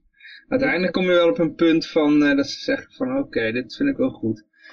Ik, ik hou het eh, dus zelf bij, eh, eh, in ieder geval dus bij mij, eh, ja, begeven in landen waarvan ik de regels nog redelijk kan begrijpen. Mhm. En, en dat is al ingewikkeld zat. Dus en verder hou ik natuurlijk wel, wel, wel van eh, gezondheidszorg en dat soort dingen. En een begrijpelijke taal. eh, want Ja, maakt niet uit in welk land je bent. Ik bedoel, als je met geld gaat zwaaien, dan begrijpen ze het allemaal hoor. Jawel, jawel. Maar goed, hè, dus eh, het is een, eh, weet ik veel, er was jaren geleden zo'n twee van die studenten die in Costa Rica gefilmd werden. Ja, daar werd er wel van gezegd van ja, het is een risico. Nou ja, dat zou ik ook niet willen zeggen van, eh, hè, nou je moet er allemaal niks mee doen. Eh, wat ik eigenlijk eh, vind is, het is heel goed om in, als je naar het buitenland gaat, of om een kenner te hebben, of een gids te regelen. Die je in dit soort materie je een beetje wegwijs kan maken. Ja, ja. En, want, nou ja, misschien is dat ook een beetje zoiets van deze tijd. Hè? Dus dat mensen gewoon eh, maar vanuit gaan dat eh, alles maar een beetje kan. En dat je, en vooral ook, dat je jezelf overal uit kunt lullen. Omdat dat, eh, zo hebben we de, zo heeft een groot gedeelte van ons uiteindelijk ook een diploma gehaald. ja, ja, ja. Dus nou, dan moet het in het buitenland ook wel kunnen. Nou, dat is dus niet altijd zo. Dus eh, ik vind het sneu voor het meisje. Dus ik, eh, ik zit echt zo van, eh, nou, het is haar, haar straf, de sloerie. Ehm, want, nou ja, het is verder een mooi lichaam. Dus ik vind het wat dat Oh, betreft... kom je erbij dat ze sloerie is. Ja, ja, Ja, ik, ik snap hem niet. Nou, voor, soms is het eh, voor eh, mensen, hè, als je dan nog naakt bent, dan, eh, ja, dat is de verleiding opzoeken natuurlijk. Ja, goed, maar dat zegt meer over de persoon die er aanstoot aan neemt en niet over de vrouw zelf. Dus, Nou ja, ik, nou, het is een soort primair gedrag. En dat weet ik, want eh, ik heb een keer een toneelstuk gespeeld in een, op een afdeling voor uh, dementerende dames. En op een gegeven moment had ik zo'n dame op schoot. En ja, dat was zoiets, eigenlijk was dat zoiets van, ja, daar had ik, had er maar niet zoveel lekkers bij haar in de buurt moeten zitten. Echt, werkelijk. En een andere die reageerde juist heel heftig op, op de zedeloosheid die ontstond. en ja, ik begon mensen uit te schelden voor hoer. Weet ik veel het is allemaal, ja, het is echt zo primair zit dat. Terwijl... Ehm, in wezen zou de wereld een stuk vooruit gaan als we wat, uh, ja, ook op dit soort vlakken wat, wat, wat, wat meer tegen een stootje zouden kunnen. Uh, ja, ja. En, mis met hoeren, ik bedoel, dat is sowieso het ja. oudste beroep en... Uh... Zo oud beroep en je weet nooit wat je moeder in de vrije tijd heeft gedaan. dus ja, ik bedoel, het is wel allemaal leuk het webcam gebeuren, maar je weet nooit of je de buurvrouw tegenkomt, of een familielid, of, nou ja, of je moeder. het kan allemaal. Zit je lekker af te drukken en dan denk je, oh wacht even, dat is mijn zus. Ja, dus ehm, ja, met een masker. het komt voor. Dus, maar dat zijn allemaal de wetten van de karma, weet je wel. als je ergens een aan begint, nou, dan kun je een, een tegenreactie verwachten. Alleen je weet niet hoe het zich openbaart. Dus kijk, wij kennen in Nederland een beetje meer zo van het boontje komt op zijn loontje. maar in wezen zou ik het zelf eerder plaatsen in, ja, in de mens, in, in alle grote chaos. En wij zijn natuurlijk al redelijk in ons land onderwezen hè, ten opzichte van de Amerikanen. Of, het kan altijd erger, laat ik het zo zeggen. En zelfs dan, en zelfs met alle informatie die wij voor onze kiezen krijgen, kan het voorkomen dat op, oh, in bepaalde situaties je net het allerbelangrijkste niet wist. Nou, en in, dit geval was het dan nou, je mag niet in je naki rond Egyptische monumenten. En ja. uh, nou, toevallig weet ik wel dat, dat de Egyptenaren daar ja, behoorlijk zuinig mee zijn. Dus je, en dat weet ik dan weer toevallig, omdat iemand dan voor de grap in zo'n sarcofaag is gaan liggen. Oké. Het is geen aanrader. ja, eh, trouwens uh, Klaas, uh, hoe, hoe zijn ze erachter gekomen? Ja, volgens mij had ze wat uh, bewakers omgekocht, maar er waren anderen die hadden het dan toch ontdekt. Oké. Zullen we gaan bidden voor een wereld waarin dit niet meer plaatsvindt? nou, aan wie? Lucifer. ja. Nou, mag voor mij aan de pasta, pond, uh, pasta monster of... Uh, ja, die gaat, allemaal, die gaat het allemaal oplossen, jongens. Ja. Maar, uh, even, even stil bij staan. Hè, even stil en een moment van respect en weet ik veel wat voor, nou ja, dat dit nog gebeurt. Laten we een minuut stilte inlassen voor deze dame. Ja. Ja. Is er een crowdfund-adres of een uh, bitcoin uh, donatiefonds? Of. Lijkt mij dat ze hier behoorlijk mee binnen kan lopen. Ja. En al denk ik dat haar rechtszaak wel gewezen is. Ja, kun je wel nog denk ik munt uitslaan. Dus je bent ook weer dom als je dat weer niet doet, eigenlijk.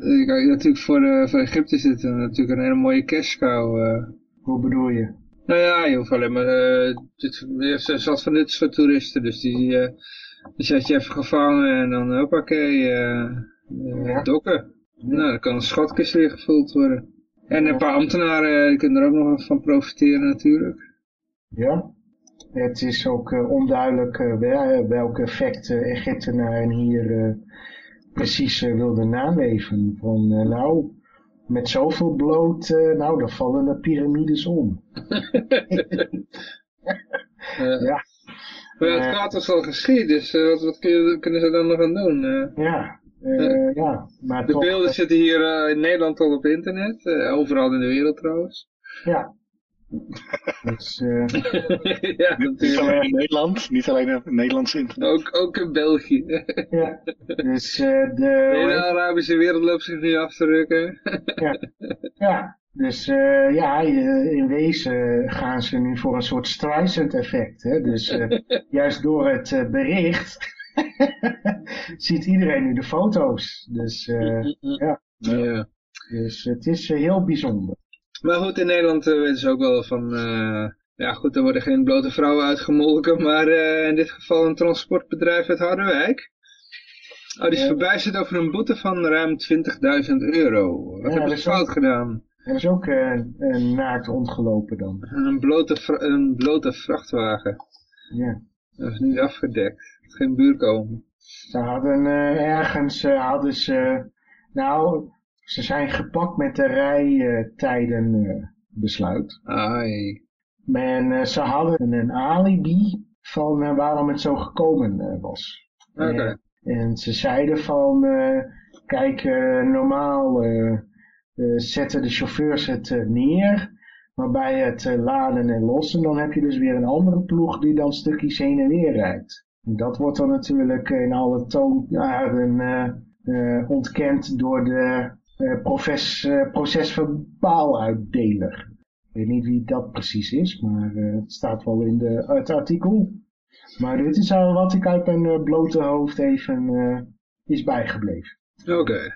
Ja, dus rijtijdenbesluit en, nou ja, en, en de vervoerder houdt vol van, er zit dus een verschil in van ja, bij het laden en lossen gaat een andere ploeg, uh, die rijdt ook even een stukje.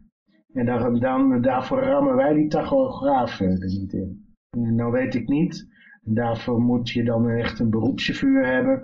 Of zo'n schijfje ook kost, iets kost. Hè, of je dan voor zo'n klein stukje, of het dan ook waard is om, om er dan daar zo'n tachograaf weer aan te spenderen. Dus, ja, degene die het gepost had, die, uh, die heeft hier ervaring mee. Dus die kan er alles over vertellen. Hij is er alleen helaas niet. Ja, ja dat is dus, dat is Lucas, die had ons dit getipt. Ja. Ik weet eigenlijk ook niet uh, wat zijn visie erop is. Maar er zal inderdaad wel een... ja, vanuit zijn perspectief... Ja, dat is de, de expert hè, in de media. Oké. Okay. Waar we het al eerder over hadden. Die kan dan precies van de hoed en de rand vertellen. Ja. Waar de klok en de klepel hangt, zeg maar. Ja. ja.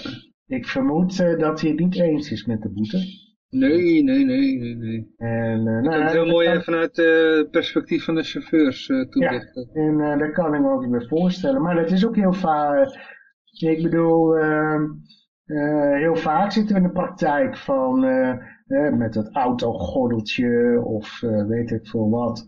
Ik doe het zelf wel eens met de helm van mijn scooter. Uh, die doe ik dan wel eens niet op.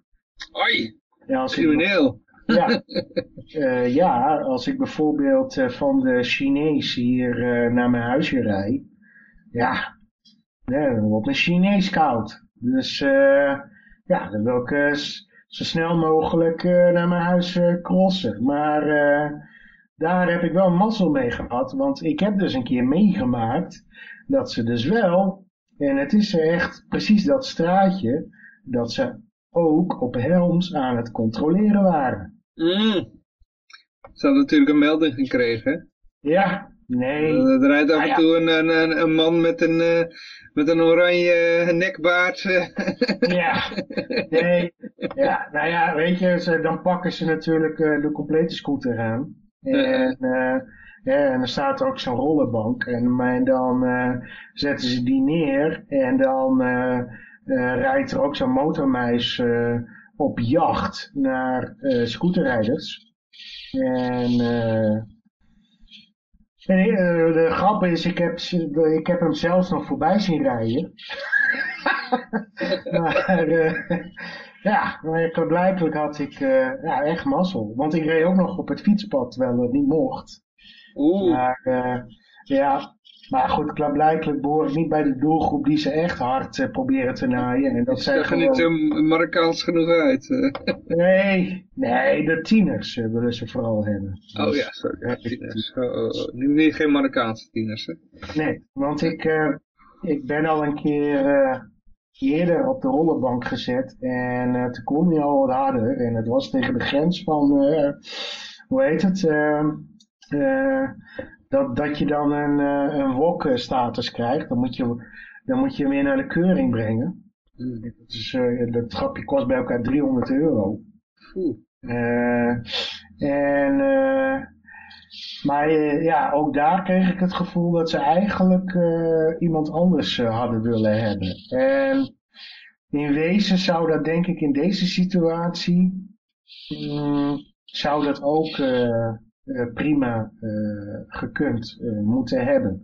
dus maak er die geen zaak van. Want het argument is natuurlijk altijd weer, ja, als we u gaan toestaan, Dan gaat er iemand uh, claimen van, uh, ja, maar bij hem mocht het ook. Uh, ja, uh, ik zou in eigenlijk toch liever iets gehad hebben van, ja, nou ja, we willen gewoon, laten we zeggen, echt, echt, echt overtreders hebben. En niet iemand uh, die we maar per ongeluk uh, die in de fuik loopt, laat ik het zo zeggen. Hè? Want, want zo uh, vangen ze de meeste boeven natuurlijk. nou, en, dan plaats ik boeken, boeven tussen haakjes. Want het gaat er echt over de meeste overtredingen. Hè? Of het is met de camera, hè? of ze hebben ergens een fuik neergezet. Uh, ja, daarmee, loopt dan, daar, daarmee lopen ze dan uh, echt even flink uh, binnen op zo'n uh, middag. En dat is wel leuk voor um, het budget van de politie en voor de doelstellingen en weet ik veel wat. Maar voor de burgers, hè, de burgers die gediend moeten worden, is het natuurlijk strontvervelend. Ja. ja. Dus, ja. uh, en, en, en zelf zou ik een voorstander zijn dat, ja, en misschien is die tijd er nooit geweest hoor, maar dat een agent uh, meer een beetje te plekken kan, uh, ook op zijn, op zijn guts, kan aanvoelen van, nou ja, het is een overtreding, maar hè, we, we, we strijken er overheen. Want nou ja, ook uh, dat is een beetje het gevoel alsof dat een beetje steeds meer aan het verdwijnen is. Uh, iedereen, het zijn de, de massale fuiken nemen toe. Uh, waarbij dan ook de douane en de belastingdienst en alles staat er dan. en, um, en dan word je gewoon echt, wordt recht gewoon gezocht op waar ze je op kunnen pakken. Mm -hmm. en nou ja. En, en, en dat... wat, wat vroeger een struikrover was. Nou, wat uh, vroeger de Jan Hagel was. dat is alweer een Godwin. Maar, uh, uh, en natuurlijk hebben ze een, een smoesje voor van waar het allemaal voor moet dienen. Uh, allemaal voor de veiligheid en weet ik veel wat. Natuurlijk, natuurlijk. Maar, ehm, ja. ja, nou ja ik, ik zie er geen, niks met, uh, ja, ik, die, die, link met veiligheid zie ik niet hoor. Maar... Ja, maar je wilt het ook niet zien, Johan. ja, maar leg eens uit. Wat is de link met veiligheid? Nou, het is geen directe link natuurlijk. Hè? Dus het uh, idee is, uh, je pakt er een paar en dan dat gaat... Een soort, die link die gaat via een soort grote duim, waar hij flink aan gezogen is. Ja. Ja, zo'n zo link, oké. Okay. Ja. Nee, dat is... ja, het is een beetje een fantasielink, want uh, ja. er wordt gefantaseerd over welk effect dus uh, een boete stevast uh, zal hebben. En, en, ik denk daar zit de fout ook in. Dus het idee is, ja, het, het werkt zo afschrikkend dat mensen het nooit meer zullen doen. Nou, ja, natuurlijk. In de praktijk werkt dat niet zo. Hey, nee. je, je kunt er soms gewoon voor kiezen om, om, uh, om voor die boete te gaan of het risico te nemen op een boete of weet ik veel wat. Dat zijn natuurlijk allemaal overwegingen die bij dit fenomeen uh, dan uh, opkomen zetten. Ja, dan, of je kan het toch wel betalen, of de baas betaalt, of, hè? Of het is nu de allerbelangrijkste lading voor ons bedrijf. dus we nemen dat risico. Ja, dat, dat staat allemaal haaks op wat, wat, dat, wat de overheid, waarvan de overheid zegt van ja, dit is de bedoeling van het geheel. Kijk, het is natuurlijk wel zo, mijn zus heeft wel een paar keer meegemaakt, gewoon terwijl ze in haar Opel Safira op de Duitse wegen zat en dat er dan zo'n Pool haar bijna in een truck, haar bijna van de weg afdrukt, omdat die man inderdaad zich niet aan de rijtuigen besluit heeft gehouden. Ja, ja. En, en het is natuurlijk ook niet zo van dat de wet alleen maar geldt voor Polen of zo. Mm. Dus... Maar er is ook een andere kant het verhaal, dat die, dat die bijna nergens meer kunnen slapen of zo. Want overal ja. ze die vrachtwagens weg hebben, of het zijn parkeerplaatsen die niet veilig genoeg zijn omdat ze daar allemaal massaal beroofd worden. Ja, ja. dus um, kijk, het enige voordeel eraan is, is dat uh, de baas eerder uh, geneigd wordt om te zeggen van, ehm, nou we gaan het risico niet lopen, want het, het, het, het, kost mij gewoon te veel omzet, die boetes. Ja, dat, dat, is het enige, want het, het, het is wel zo, de chauffeurs werden gedwongen. Tenminste, zo was het nieuws. Ik hoop dat ik bij mijn uh, verhaal complete eer doe aan wat een, een bona fide chauffeur, vrachtwagenchauffeur zou, erover zou zeggen. Ja, wat je, wat wil zeggen is dat de, de, met de boetes denken ze van, we straffen ze af en nu, we gaan hun gedrag beïnvloeden. Maar dat doen ze eigenlijk niet. Die, die, Zo'n bedrijf die calculeert gewoon in en dat, dat wordt meegerekend in de, in de prijs uiteindelijk. Ja. Dus uiteindelijk het is het extra belasting. Ja. Ja.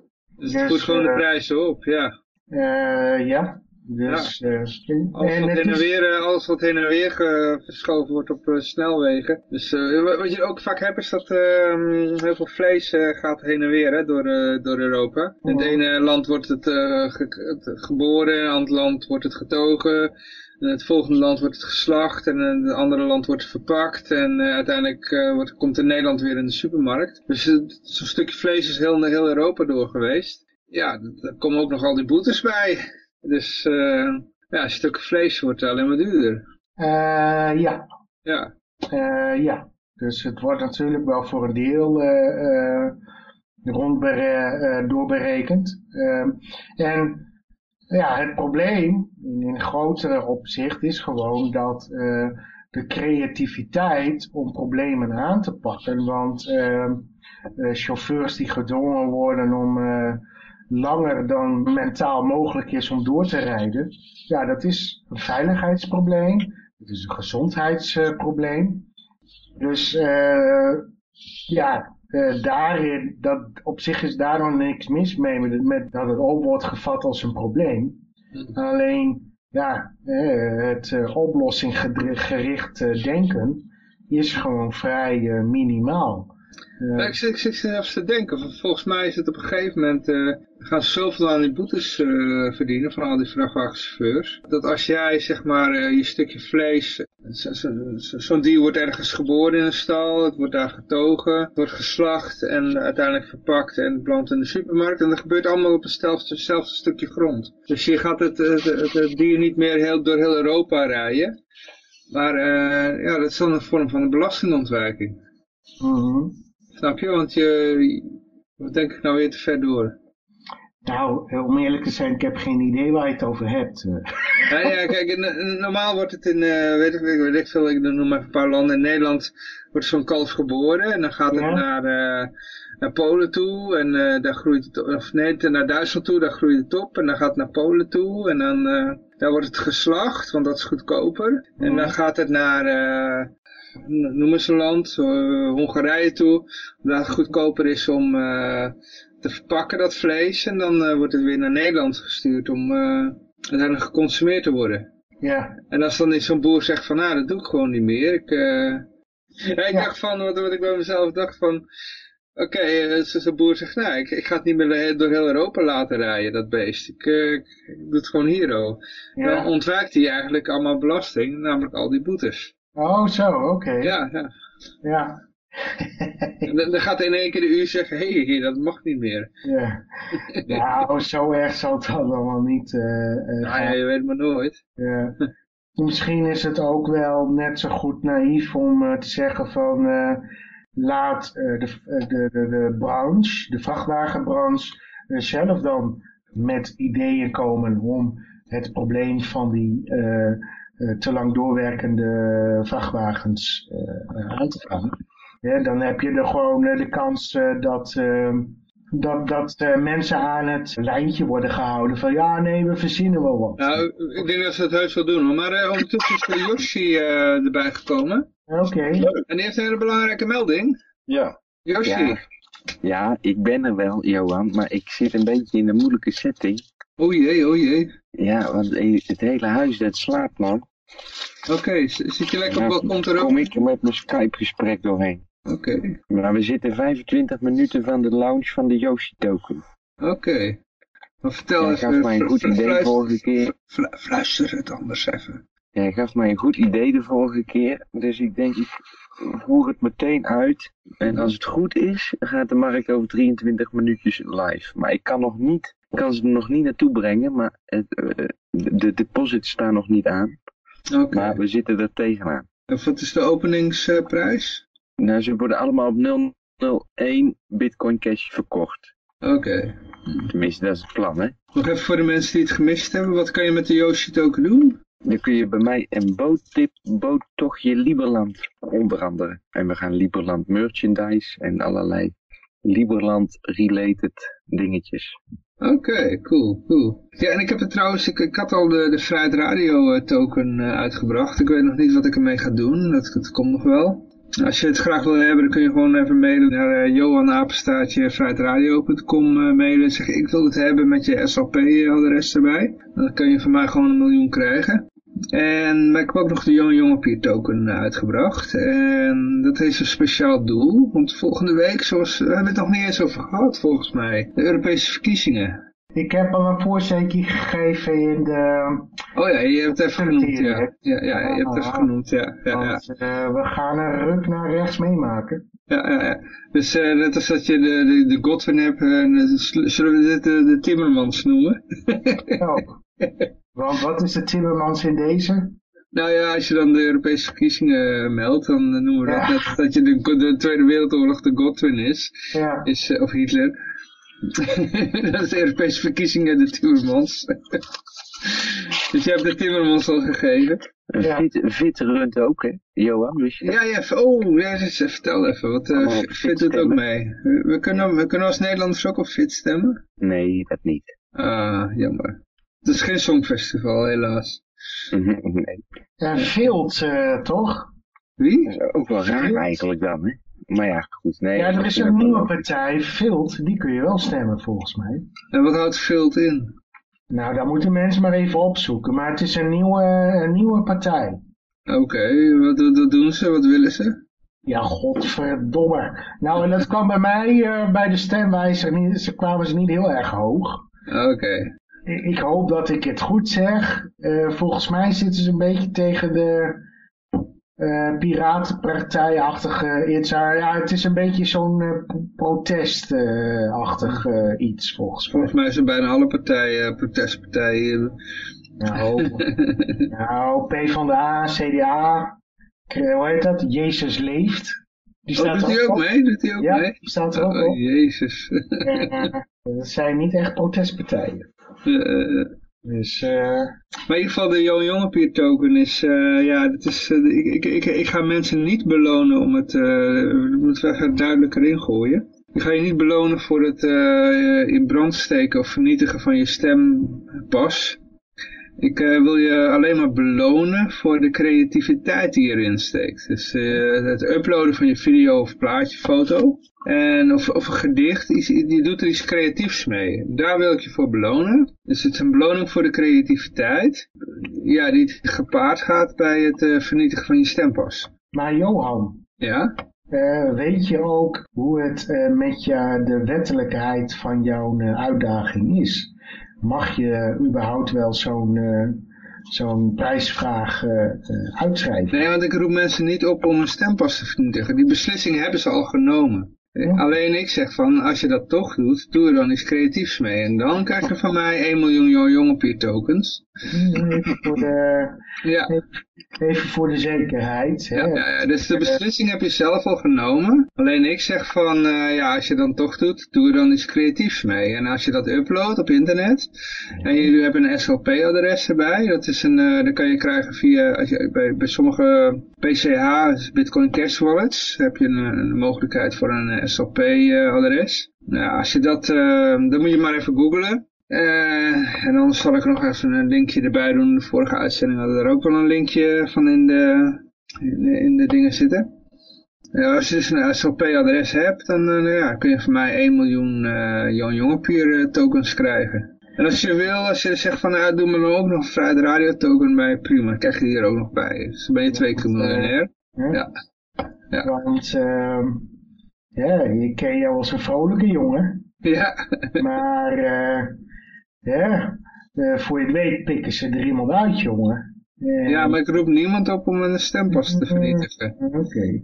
Nee, want ik, ik heb zoiets van, die beslissing moet je maar zelf maken. Dat is, eh, daar ga ik jou niet bij helpen. Eh, ik help je wel bij, eh, hoe noem je dat? Het, eh, een hele gedachtegoed wat mensen eventueel zou kunnen doen eh, beslissen van, eh, ja, democratie is eigenlijk een best wel een gek idee. Eh, ja, het is een gek idee. Ja, het, het, is maar eh, eh, water is dat bijvoorbeeld ook.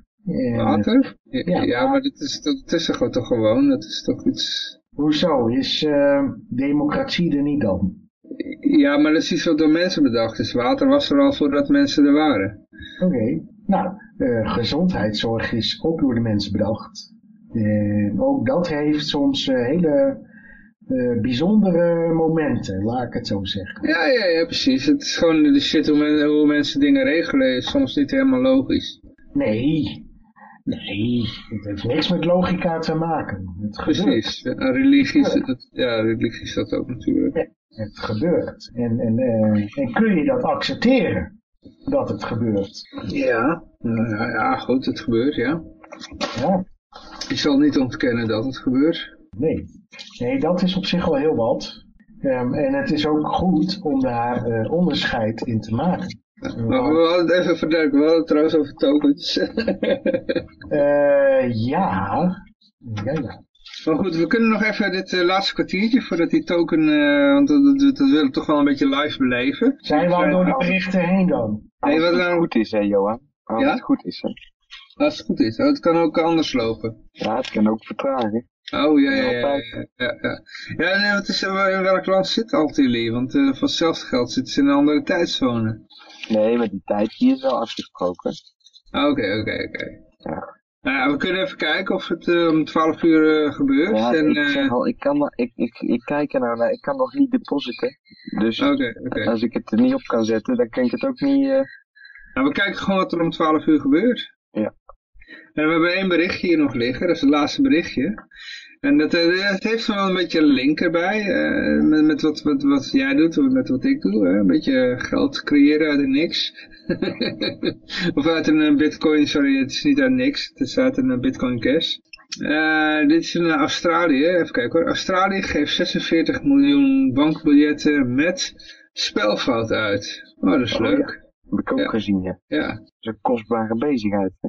Die eh, zijn meer geld waard, denk ik. eh, maar, nou, ze maar- gaan het, ze zeggen van, het is gewoon, eh, het behoudt zijn waarde. En de spelfout, die, wordt er, die gaan we er niet uithalen. Ja, maar bij handelaren is het anders. Want ik, mijn, mijn oom zit in de postzegels. En eh, als een postzegel met een foutje is, die zijn gewoon veel meer waard. ja, dat is gewoon zo. ja. Als het op een, een, een brief zit, ja, oké, voor de posterijen zal er natuurlijk andere regels gelden. Die, eh, die zeggen, nou ja, oké, eh, prima. Maar dan die brief met zo'n postzegel met een foutje erop, die dan alsnog gestempeld is, is dan nog eens drie keer zoveel waard. Zo gaat het in die, in die business. Het moet toch ongestempelde zegels zijn? Nee, nee, nee, als ze gestempeld zijn met, spel, met de, er zijn heel rare regels voor in de postzegelbranche. Ja, ik verkoop dus ook uh, postkaarten Liberland voor Yoshi tokens. En uh, postzegels voor Lieberland? Nee, ja. Moet er wel een keer van komen, hè? Dan ben je een echt land. Eerst maar eens een postbus. Ja. Weet je daarvan? Ja. Breng voor de postzegels uit. Ja, kijk, postzegels is eh, big business. Dus eh, er zijn genoeg gekken die eh, die zegels eh, sparen. Dus ze brengen gewoon postzegels van Lieberland uit, joh. Ja, maar daarom is deze token sale, Johan. Om dat, een, dat dan mogelijk te maken. Ik wil de, de eerste postzegel eh, wel... eh, oh ja, dat kunnen we ook natuurlijk doen. Want uh, de Red Radio, die komt altijd met, eh, met memes uit, hè, iedere week. Doe gewoon zo'n meme op een postzegel van Lieberland. De mogelijkheden zijn eindeloos. ja, ja, ja. Maar ik, ik, bo- bovenop dat je dus bij mij een boottochtje kan maken, Johan. Mhm. En dat je die munten kan uit gaan geven. Om Mhm. dingen te gaan kopen bij Liberlanders en van Liberlanders. Mhm. Dan zeg ik dus, als je het niet uitgeeft en je houdt het twee jaar vast. Dan koop ik het voor dubbele prijs van je terug. Oké, ja. Dus jij beloont hoddelen. Nou ja, ik moet het een beetje spannend maken natuurlijk. Dus ik denk dat ik mijn eigen geld kan verdubbelen in en kan laten verdubbelen in waarde. Oké. Is dat niet een soort eh BitConnect dan? Ja, ja, ik heb mijn eigen BitConnect, daarom zeg ik al. Jij zegt net toch scam. Dus ja, hier zit er weer een. Oh nee, maar dat was mijn, eh, mijn, eh, dat was mijn gesprekje van net. Zie je, dus daarom, ik gooi alles door elkaar, jongen. Heb ik zoveel gesprekken. Ai, ai, ai. Maar, ehm, ja, het is inderdaad, ik weet niet hoe legaal dat het is wat ik aan het doen ben. Ik weet niet of je dit verkocht kan krijgen volgens de Nederlandse wet. Ik heb het nu al... Nou ja, je zit toch niet in Nederland, Het is dus... maar eh, goed dat ik in Liberland ben. ja. Maar eh Klaas, zie jij dit als een BitConnect of eh, Wat? Wat Josje nu net vertelt? Mm, nou ja, ik weet niet. ehm, kijk, eh, een, een transactie eh, op een blockchain eh, kun je gewoon zonder vertrouwen doen. Maar ja, nu eh, beweert hij iets wat niet vast ligt in een blockchain contract. Dus het ligt alleen maar vast op zijn woord. Dus dan wordt het een vertrouwelijke transactie. Het mooiste zou zijn als je het vastlegt in een contract op een blockchain. Maar dan moet je, je, kan, je kan met, eh, dan met moet je het geld van tevoren al vastleggen. Dat is misschien wel een Je, nadeel. je kan met een SGP kan je een eh, document eh, toevoegen, hè? Ja, in ze- ja dus dat, dat staat, dat, dat heb ik daarmee gedaan in zekere zin. Maar de Ja. vraag is natuurlijk. Kijk, als hoe twee jaar legitiem- verstreken en eh, Kijk, zo niemand kan jou Ik vinden, kan een dan... verhaal vertellen over iemand. Dat was een token en die ging kunst op naam zetten, zeg maar, in de blockchain. Toen had er iemand, had er een, eh, had de Mona Lisa gezegd dat die van hem was. En in die blockchain geüpload. Dat is een van de zure journalist van de New York Times of zoiets. hè. Die, die wilde aantonen dat het allemaal maar onzin was, al die blockchain projecten. Maar dan had hij dus wel voor elkaar gekregen dat de Mona Lisa van hem was. Oké. Ja, goed, dan, dan, dan doe ik het. En eh, dan zeg ik, ja nee, maar de Mona Lisa is van mij. Ja, dan zet ik het ook Dus- vast in de blockchain en dan is het zijn woord tegen het mijne. Ja, dus het, er, er, er, er is een licht, het is zeker waarheid dat het dan in de blockchain zit. Maar wat is die waarheid dan waard? Hè? Wat Ja. je kan doen is dat je het, het vermogen van tevoren vastlegt. Bijvoorbeeld in een Ethereum-achtig contract. En dan zou je het prima kunnen doen. Ja, maar dat is, wat, we- wat we nu vertellen is eigenlijk een eh, soort gelijk iets als het Ethereum-contract. Nee, Kijk, wat het enige met de Ethereum is dat er bijvoorbeeld een bepaald bedrag komt vrij als je iets doet. En die andere zegt van oké, je hebt het gedaan en dus eh, we zijn het erover eens. En dan komt het bedrag vrij, maar... nee, want dit is iets wat je compleet zou kunnen coderen. Je kan, eh, je kan eh, zeg maar een public key vastleggen. Je kan, het, je kan de to of tokens en de, of de, het, de, de, de co- coins kan je vastleggen. En je kan dan, ja, je, dan kan je gewoon eh, na twee jaar kan je gewoon naar de geregistreerde keys kun je gewoon nog eh, weer geld overmaken.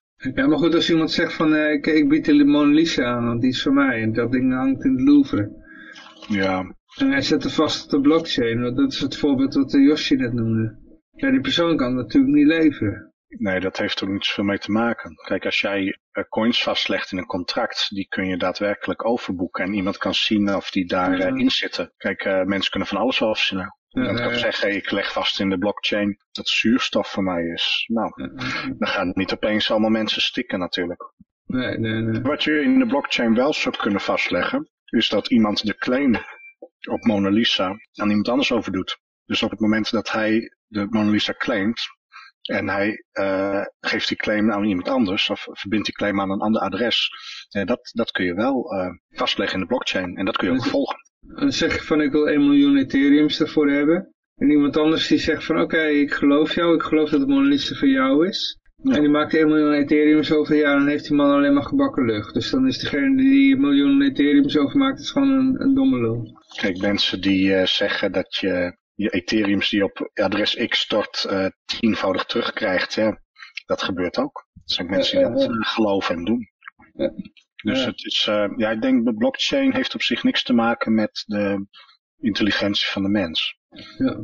Kijk, blockchain legt gewoon een transactie vast.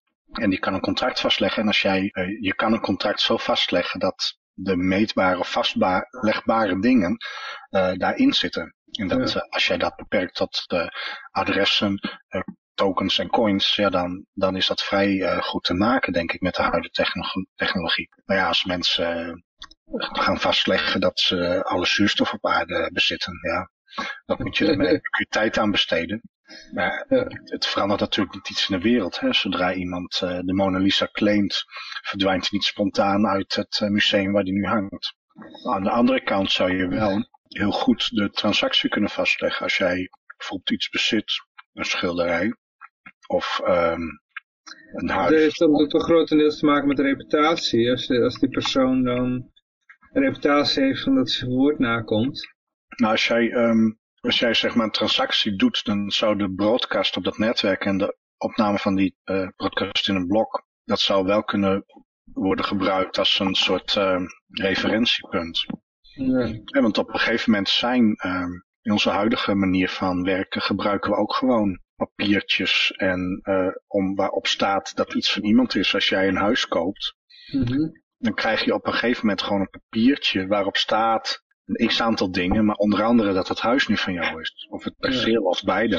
En dat is, ja, dat is eigenlijk niets beter dan dat iemand gewoon op een papiertje schrijft van, oh, dit huis is van mij en nu is het van jou. En eh, kijk, als je dat op een Ja, er zit nog kan- zo'n notaris tussen, hè? Zo'n eh, zo'n zo'n middleman. eh, ja, die veel De notaris is daar om ervoor te zorgen dat jij op het moment dat je die transactie doet, eh, niet ook met iemand anders die transactie hebt gedaan. Dus die gaat verifiëren. Dat is de belangrijkste taak, denk ik, van de notaris. Ja. Dat jij, ehm, eh, dat op het moment dat jij dat huis aan iemand, stel voor je verkoopt je huis voor twee ton aan iemand. En ja, dat, dat kun je wel aan tien mensen doen. Kijk, als tien mensen denken dat ze dat huis kopen, of dat ze Ja. Mona Lisa kopen. En wat je dan hebt, is dat je, als je daar blockchain voor gebruikt, dan heb je een, ik denk dat zoiets als wat de notaris nu doet, Mhm. dat is exceptioneel toepasbaar met blockchain technologie. Met blockchain technologie kan gewoon iedereen zelf in de, in de Block Explorer kijken van, ja, bij wie hoort dat adres nu? En naar wie gaat het toe?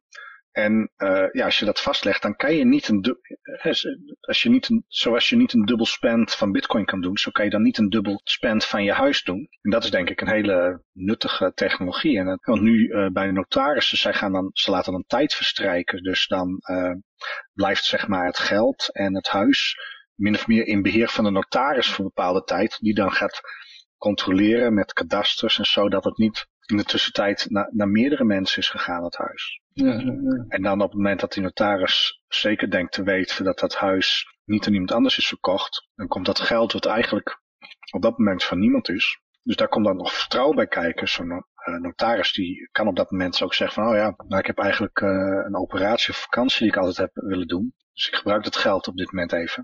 Is uiteindelijk de notaris die dat geld weer overboekt. Ja. Dus daar komt eigenlijk heel veel vertrouwen bij kijken. Nou, nu gaat dat eigenlijk altijd wel goed. Hè? Het zou op zich nieuwswaardig zijn als de notaris opeens met het geld van een aantal huizen vandoor gaat. Maar dat zou perfect zijn om dat met blockchain te doen. Ja, nee, wat ik wil zeggen, alles heeft dus te maken met vertrouwen. Om even terug te komen op uh, waar we het eerder over hadden. Het vertrouwen in Yoshi. Uh, Yoshi, hoe betrouwbaar ben je?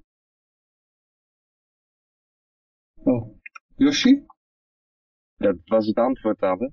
Oh, je zegt helemaal niks. mute, Johan, want ik zit op de achtergrond een beetje, ik zit te chatten in de, Oh, in de oké, oké. telegram. Oké, oké. Ik kan ze nog niet storten, ik kan ze nog niet storten. Nee, het is eh, nog geen 12 uur, hè? Dus, eh, Maar een eh, verdubbeling in twee jaar, het is voor bijna alles behalve crypto een eh, goede belofte. Ja, precies. Dus ik denk ook dat het in crypto wel beloofd kan worden. Er zijn Ik zoveel denk dat als je, procent verschil. Als je het goed leest, dan is het dus niet met speculeren het ga verdienen. Maar ik probeer mijn eigen naam op te bouwen. En door wat ik al heb in crypto, als dat meer waard wordt, dan is dat hetgene waar de investeerders mee worden terugbetaald. Dus Oké. het is inderdaad wel een gok, maar het, het, het- ja, nou ja, ja, goed, dat is alles in het leven, zeg ik altijd. Ik denk dat ik het kan doen. Ik denk dat het me lukt als het op deze manier gaat. Dus Nou, we gaan zo meteen zien wat er allemaal gaat gebeuren. Het is nu nog... Oh ja, het is 12 uur. 12 uur is 12 uur. Ik heb net wel in de chat gezien dat als je nu dat het, eh, de, de listing van nieuwe tokens op Altilli voor de rest van de maand dicht is gezet. Dus ze nemen geen nieuwe muntjes meer aan. Oké. Dus ben ik weer net op tijd, Johan. Ah, er is geen jonge jongen tokens op... eh Voor, voorlopig even niet. Maar Ah, ik wilde net de jonge jongen token daar... eh Ja. ja. Nou ja, wanneer nemen ze weer, weer wel eh, nieuwe muntjes aan? En er stond juni, stond er. Oké, nou ja, dus voor de jonge jongen token eh, moet je eh, wachten tot juli. Maar met een miljard, dan ga je dat tegen, wat ga je het verhandelen dan, Johan? Ja, weet ik niet. eh, is, laten we zeggen een euro. Als opening. ja. ik kan in ieder geval zeggen, eh openingsbod is, een, eh, miljoen, is, is 1 euro. En eh, ik maak er mensen dat- miljoenen over. En ja, dat Maar is Johan- de prijs natuurlijk naar een microcent. Maar Nee, nee, nee, want jij introduceert, introduceert die tokens, maar dan moet je oppassen, want als je dan op 1 januari die munten vast hebt, dan heb je, als je 1 miljard munten op een euro vasthoudt op 1 januari, krijg je een belastingaanslag van eh, zoveel miljoen. ja, maar ik, ik ga er niet vanuit dat ze meteen een miljoen waard zijn. Nee, maar dat zeg je dan wel als, ze één, als je zegt ik ga ze op 1 euro verhandelen.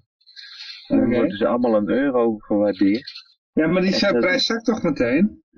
Nee, ja, als jij hem gewoon op de euro zet en hij staat op 1 januari op 1 euro. Ja, nee, maar ik ga doen niet op 1 januari. Ik doe het gewoon ergens in, in, in juli was wat was het? Ergens in juni, juli?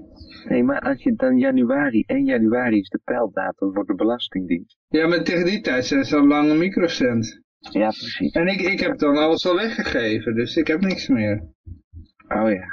Nee, dat, Tuurlijk, ik geef het weg aan mensen die, een, eh, die iets creatiefs doen met hun eh, verbranding van hun stempas. dat is eigenlijk het, het, het onmogelijke aan dit verhaal, vind ik. Dat die waarderingen bij die belastingen rondom crypto zo onmogelijk zijn. Want als stel nou dat iemand 5% Yoshi tokens koopt. Heb je dan een box 2 belastingaangifte omdat je een aanmerkelijk belang hebt in de Yoshi token? Of is het eigenlijk box 3 omdat je dus liggend geld hebt? Of zit je hele dagen te daytraden en heb je ineens weer in box 1 vermogen? Snap je? Dus het, het, het is niet te werken en je kan het, het- ja, je kan het wel zelf zeggen, niet ik, ik, uitleggen. ik vond het echt, oh man. Het is elke keer weer een kunst om bij Altilli in te kunnen loggen. Het is, ah, het is me eindelijk gelukt. Na eh, twintig pogingen. Ik heb het dus zelf helemaal niet, hè? Ja, maar je moet elke keer eh, met, je, met je weer, eh, dan zeg je, eh, je IP-adres klopt niet. Want ik heb altijd hetzelfde IP-adres, maar dat klopt dan niet. En dan moet je die, die eh, zo- zo'n, zo'n, zie je allemaal van die vage tekens die bijna onleesbaar zijn. En die moet je dan overtypen. En dan eh, ik weet ik niet of het nou een hoofdletter is of een kleine letter. Dus dan denk ik, nou ja, het zal een hoofdletter zijn. Ah, nou goed, het is me uiteindelijk gelukt. Ik, ik zit erin. Het nodigt niet uit, laten we zo zeggen. Maar goed, ik zie nou bij de, ja, ik weet het, maar ja. Veiligheid kost ook wat. ja, maar ik zie nou 0, komma en dan heel veel nulletjes en geen eh ander cijfer erachter. Dat is de prijs. Eh, Nee, ik ben nog, ik zit, staat er nog niet op voor mij. misschien hebben ze toch een andere klok. Ja. In welk land zit Altilli? Ja, dat zijn er meerdere. Dat ligt eraan hoe je het bekijkt. Eh, maar hoe, hoe, laat is het in, hoe laat is het in Servië? Het is in Servië even laat als in Amsterdam. Oké, oké, oké. Maar in het buurland Roemenië. Scheelt het dus een uur. Bij wie hoor ik nou de vogels fluiten? Ja, waar komt de zon op? Bulgarije dan, hè? Dat zou Klaas zijn. Ja. Eh, komt de zon bij jou op? Het is hier een mooi weertje.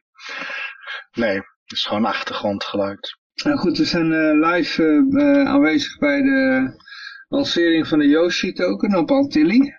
Ja, Eh, Er gebeurt toch geen ene fuck? maar, maar, maar, Johan, eh, even eerlijk is eerlijk, in een weekje tijd is niet slecht, hè?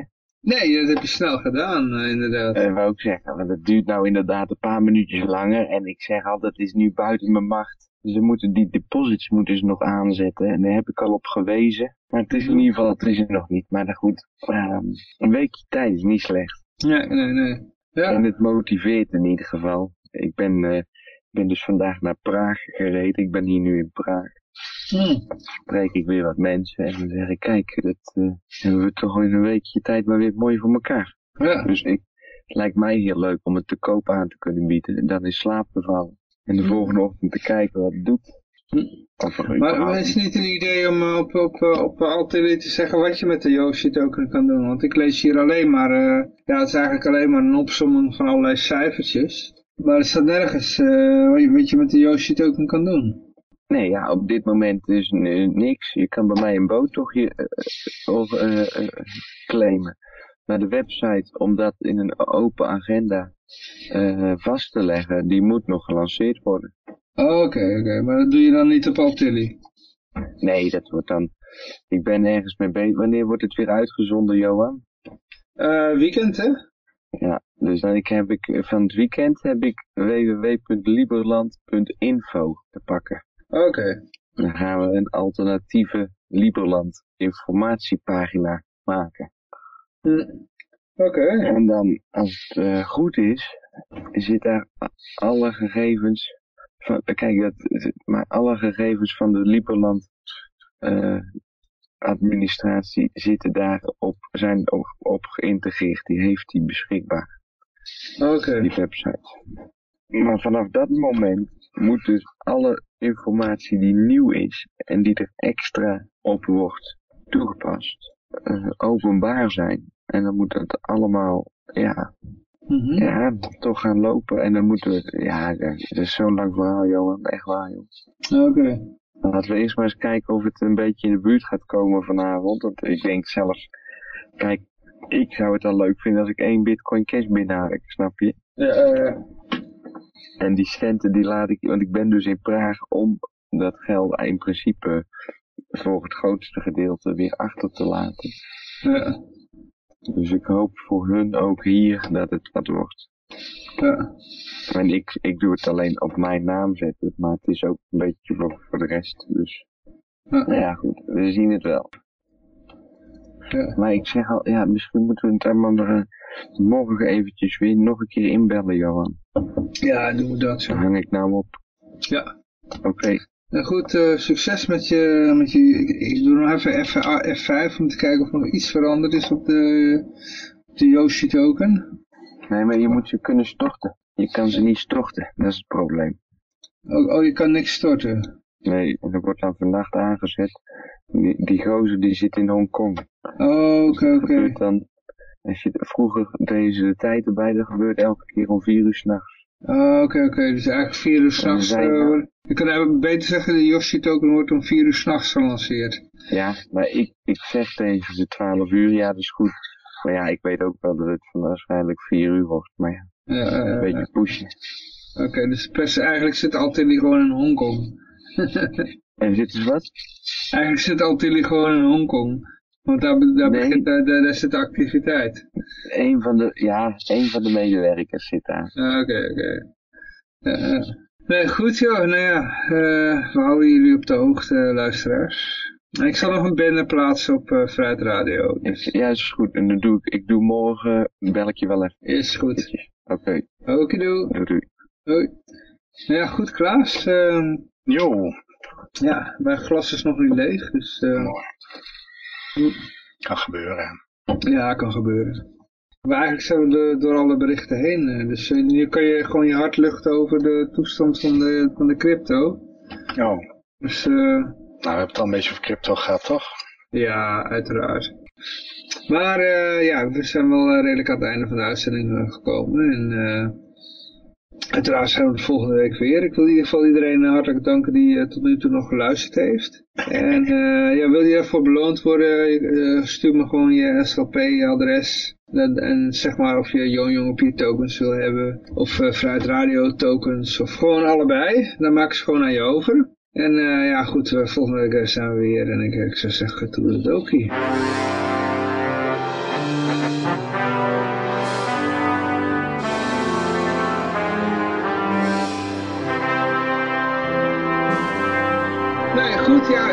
was dan de eindtune. En we zijn nu eigenlijk al een, eh, meer dan een dag geloof ik verder, hè? Ja, ik had het toch weer verkeerd begrepen, Johan. Ik neem maar even de schuld op mezelf. Ah joh, je bent vergeven. Ze hadden 12 uur tegen me gezegd, maar het was 12 uur in Hongkong. Hmm, toch hè? Nee, het, moest, eh, het liet nog even op zich wachten, maar inmiddels zijn we live. Ja. Dus we hebben nu een markt. Er is nu een verhandelbare token. Ik heb een, een verkooporder ingezet van 1 miljoen ICLO tokens. Dat is de ticker, het symbool van mijn token, ICLO, van Your Children Live On, Yoshi Livo. En ehm, het doel van deze token is om geld op te halen voor projecten gerelateerd aan Liberland. En de mensen die de token kopen, die kunnen bij mij een boottocht naar Liberland boeken. Dat is de allereerste gebruikersfunctionaliteit. Ik ga allerlei dingen doen voor die token die ik zelf nog maar half weet. Ik ga ervoor schilderen. Ik ga briefkaarten drukken met Liberland plaatjes. Die ga ik eh, beschrijven en een, eh, met een handtekening op de post doen. Ehm, Postzegels. Misschien, ja, postzegels kunnen we maken. Ehm, nou ja, noem het maar op. Allerlei, eh, ik ben dus, eh, Ja, dat vind ik wel een leuk idee. Je kan met postzegels, kan je gewoon die... Want normaal staat er gewoon zoveel cent op. Maar je kan dan, het is eigenlijk advertentieruimte. Nou, ik, heb, ik heb nog wel een, een, een ander leuk nieuwtje. Ik heb Ja. dus eh, de website www.liberland.info weten te bemachtigen. Oké, Dus daar kan ik sowieso advertentieruimte op gaan verkopen. ja. Eh, en ik ga dus van die liberland.info wil ik een soort webshop met Liberland spullen. Naast dat er ook nog een informatiegedeelte komt, wil ik er een webshop van maken. En niet dat ik die spullen verkoop, maar dan kunnen verkopers hun spullen aanbieden, een soort eh, eBay, eh, Amazon. En ehm, ja, dan vangt de website dus wat commissie. Ja, ja, ja. En alle producten die daar dan verkocht worden, die gaan over de toonbank voor Yoshi tokens. En eh, ik heb, ja kijk, in totaal probeer ik 300.000 euro ongeveer op te halen. Dat is natuurlijk een serieus bedrag. Mhm. Het is een bedrag in bitcoin cash, dus afhankelijk van wat de bitcoin cash prijs doet, verandert dat. Maar ja, je zou bijvoorbeeld kunnen denken aan een Liberland café hier in de buurt. En dan hangen we een, eh, een cameraatje in het café. En als je wil meekijken, dan moet je dus eh, per minuut eh, wat Yoshi tokens overmaken. Oké. Waarom zouden mensen dat willen doen?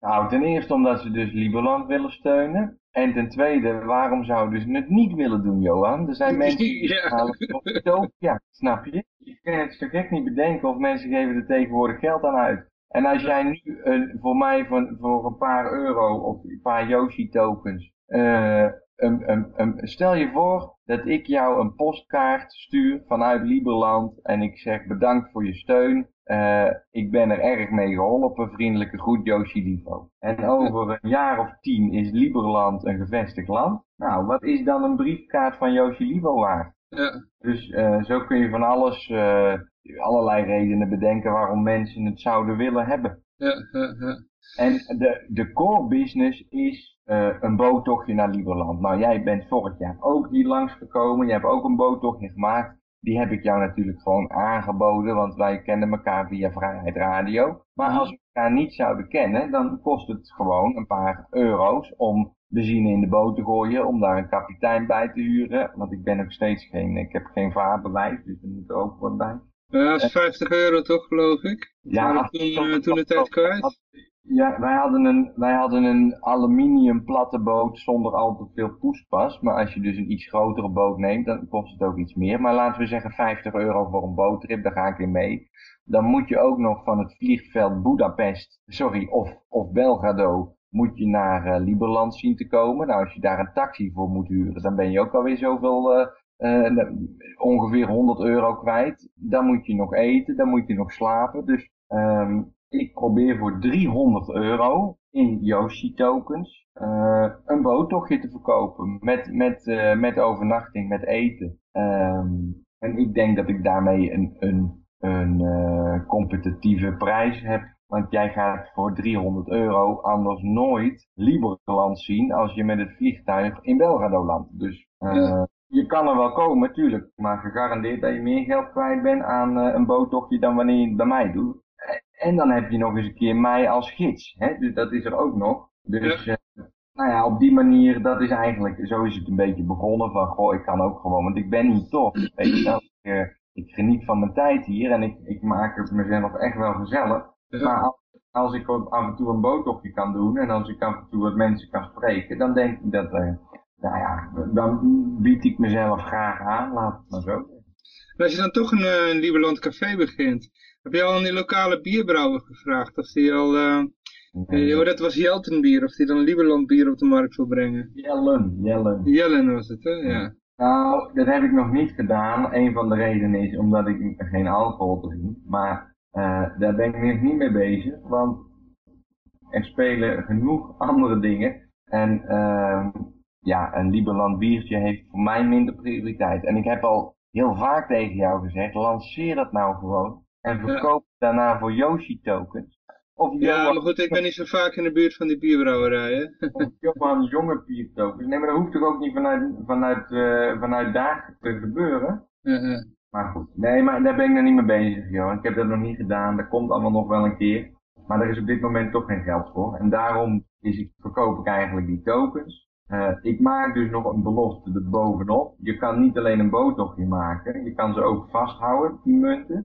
En ik denk dus dat ik jouw geld in twee jaar kan verdubbelen. Mm -mm. Dus iedereen die, uh, je krijgt, je, ik verkoop mijn Yoshi tokens alleen voor Bitcoin Cash. Uh, je krijgt duizend ICLO tokens voor één Bitcoin Cash. En ik zeg dus over twee jaar 1, 1 juni 2021 koop ik voor 1000 Yoshi tokens koop, krijg je 2 Bitcoin Cash. Dus het geld verdubbelt.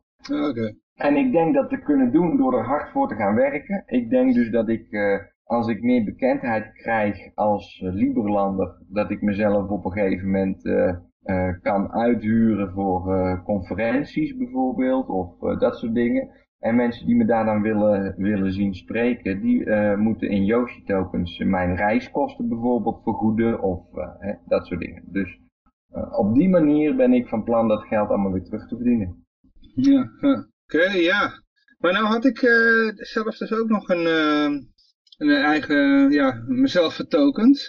Ja. er, er bestaat een Johan Jongepier token. En dan laat ik het ook nog even melden voor de mensen die daarna benieuwd zijn. En ook uh, van hoe je dat kan krijgen. Uh, ja, de Johan Jongepier token kan je eigenlijk maar op één manier krijgen. En dan moet je iets creatiefs doen met, je, met het verbranden of met, het vernietigen van je stempas. Dat, ik, ik ga niet zeggen van ik betaal jou om je stempas te vernietigen, want dat, dat mag niet.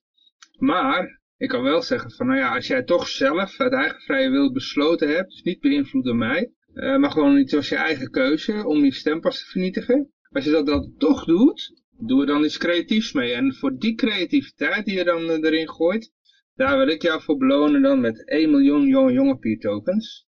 En uh, ja, ze zijn nog niet verhandelbaar hè. Ik begrijp het dus goed Johan, dat als iemand tegen jou zegt dat iets niet mag, dat jij dan zegt, ja nee, daar hou ik me dan aan. Wat bedoel je? Nou, jij zegt ik ga het niet zo doen, want dat mag niet. Nee, nee, nee, ik betaal jou, nou, kijk, het, het, zou door een jurist geïnterpreteerd kunnen worden van dat ik mensen omkoop om, om uh, niet te gaan stemmen of ja, een stempas te vernietigen. Dat doe ik niet. Ik betaal alleen maar voor de, de creativiteit, uh, als ze dat dan toch doen. Maar waarom zou je dat niet doen dan, Johan? Omdat het niet mag. Oh, dat bedoel je, ja. Uh, nee, Want... omdat ik dacht, geen, geen gezeik, ik heb geen zin in gezeik van juristen. Oké, want je, je zou voor de grap eens even moeten vragen aan die jurist wat hij van mijn constructie vindt met mijn token. Want ik denk dat ik op het moment, ik was altijd al een beetje op het randje bezig. Maar dit heeft toch wel, dit is misschien net over het randje. Want ik accepteer nu dus van iedereen in de wereld geld. Uh, zonder te vragen waar het vandaan komt. Ja, maar worden we crypto als, als geld gezien? Dat is ook weer een goede vraag. Dat is ook weer een goede vraag. Dus ik weet niet... Maar dat zou wel mooi zijn, want als ze dan als geld zien, ja, dan is het een erkend betaalmiddel. Ja. Tenminste, een erkende valuta of zo. Ja, maar in zekere zin is het al wel redelijk uh, uh, gangbaar. Hè? Je kan inmiddels volgens mij ook in Nederland de blockchain als bewijs aandragen in een rechtszaak. Maar dat weet ik niet helemaal. In Japan kan het zeker weten. Maar ik dacht dat het in Nederland ook al komt. Oké. Maar uh, even slag om de arm, dat kan alleen nog in Japan. Laten we het maar even daarop houden. Ik weet het niet. Ik heb het namelijk niet zo bijgehouden. Maar als het goed is, op een, op een dag gaat dat natuurlijk gewoon komen. Hè? Dan uh, is gewoon die transactie, die kun je aantonen. Kijk, dit is mijn sleutel en die transactie heb ik op die, dat moment gedaan. Dus ik heb betaald voor mijn kaartje. Ja, ja, ja. Of mijn appeltaart. Hmm, ik verzin maar wat. Dus ja, daar zijn een hoop mensen in ieder geval druk mee bezig om dat voor elkaar te krijgen. Laten we het daar maar op houden, als ik maar zo zeggen. Uh, dat is het doel van onder andere een Bitonic, om dus uh, dat voor elkaar te krijgen, dat de blockchain als rechtsgeldig bewijs wordt gezien. Maar mhm. ik weet niet uh, hoe ver dat we daar al in staan. En persoonlijk zit ik er niet op te wachten, want ik vind het juist leuk dat het niet gereguleerd is. Want ik vind die regulering juist het criminele. Hè? Wij hebben ik, ik heb toch zelf het recht op mijn eigen lichaam, zou je denken. Maar ja, goed.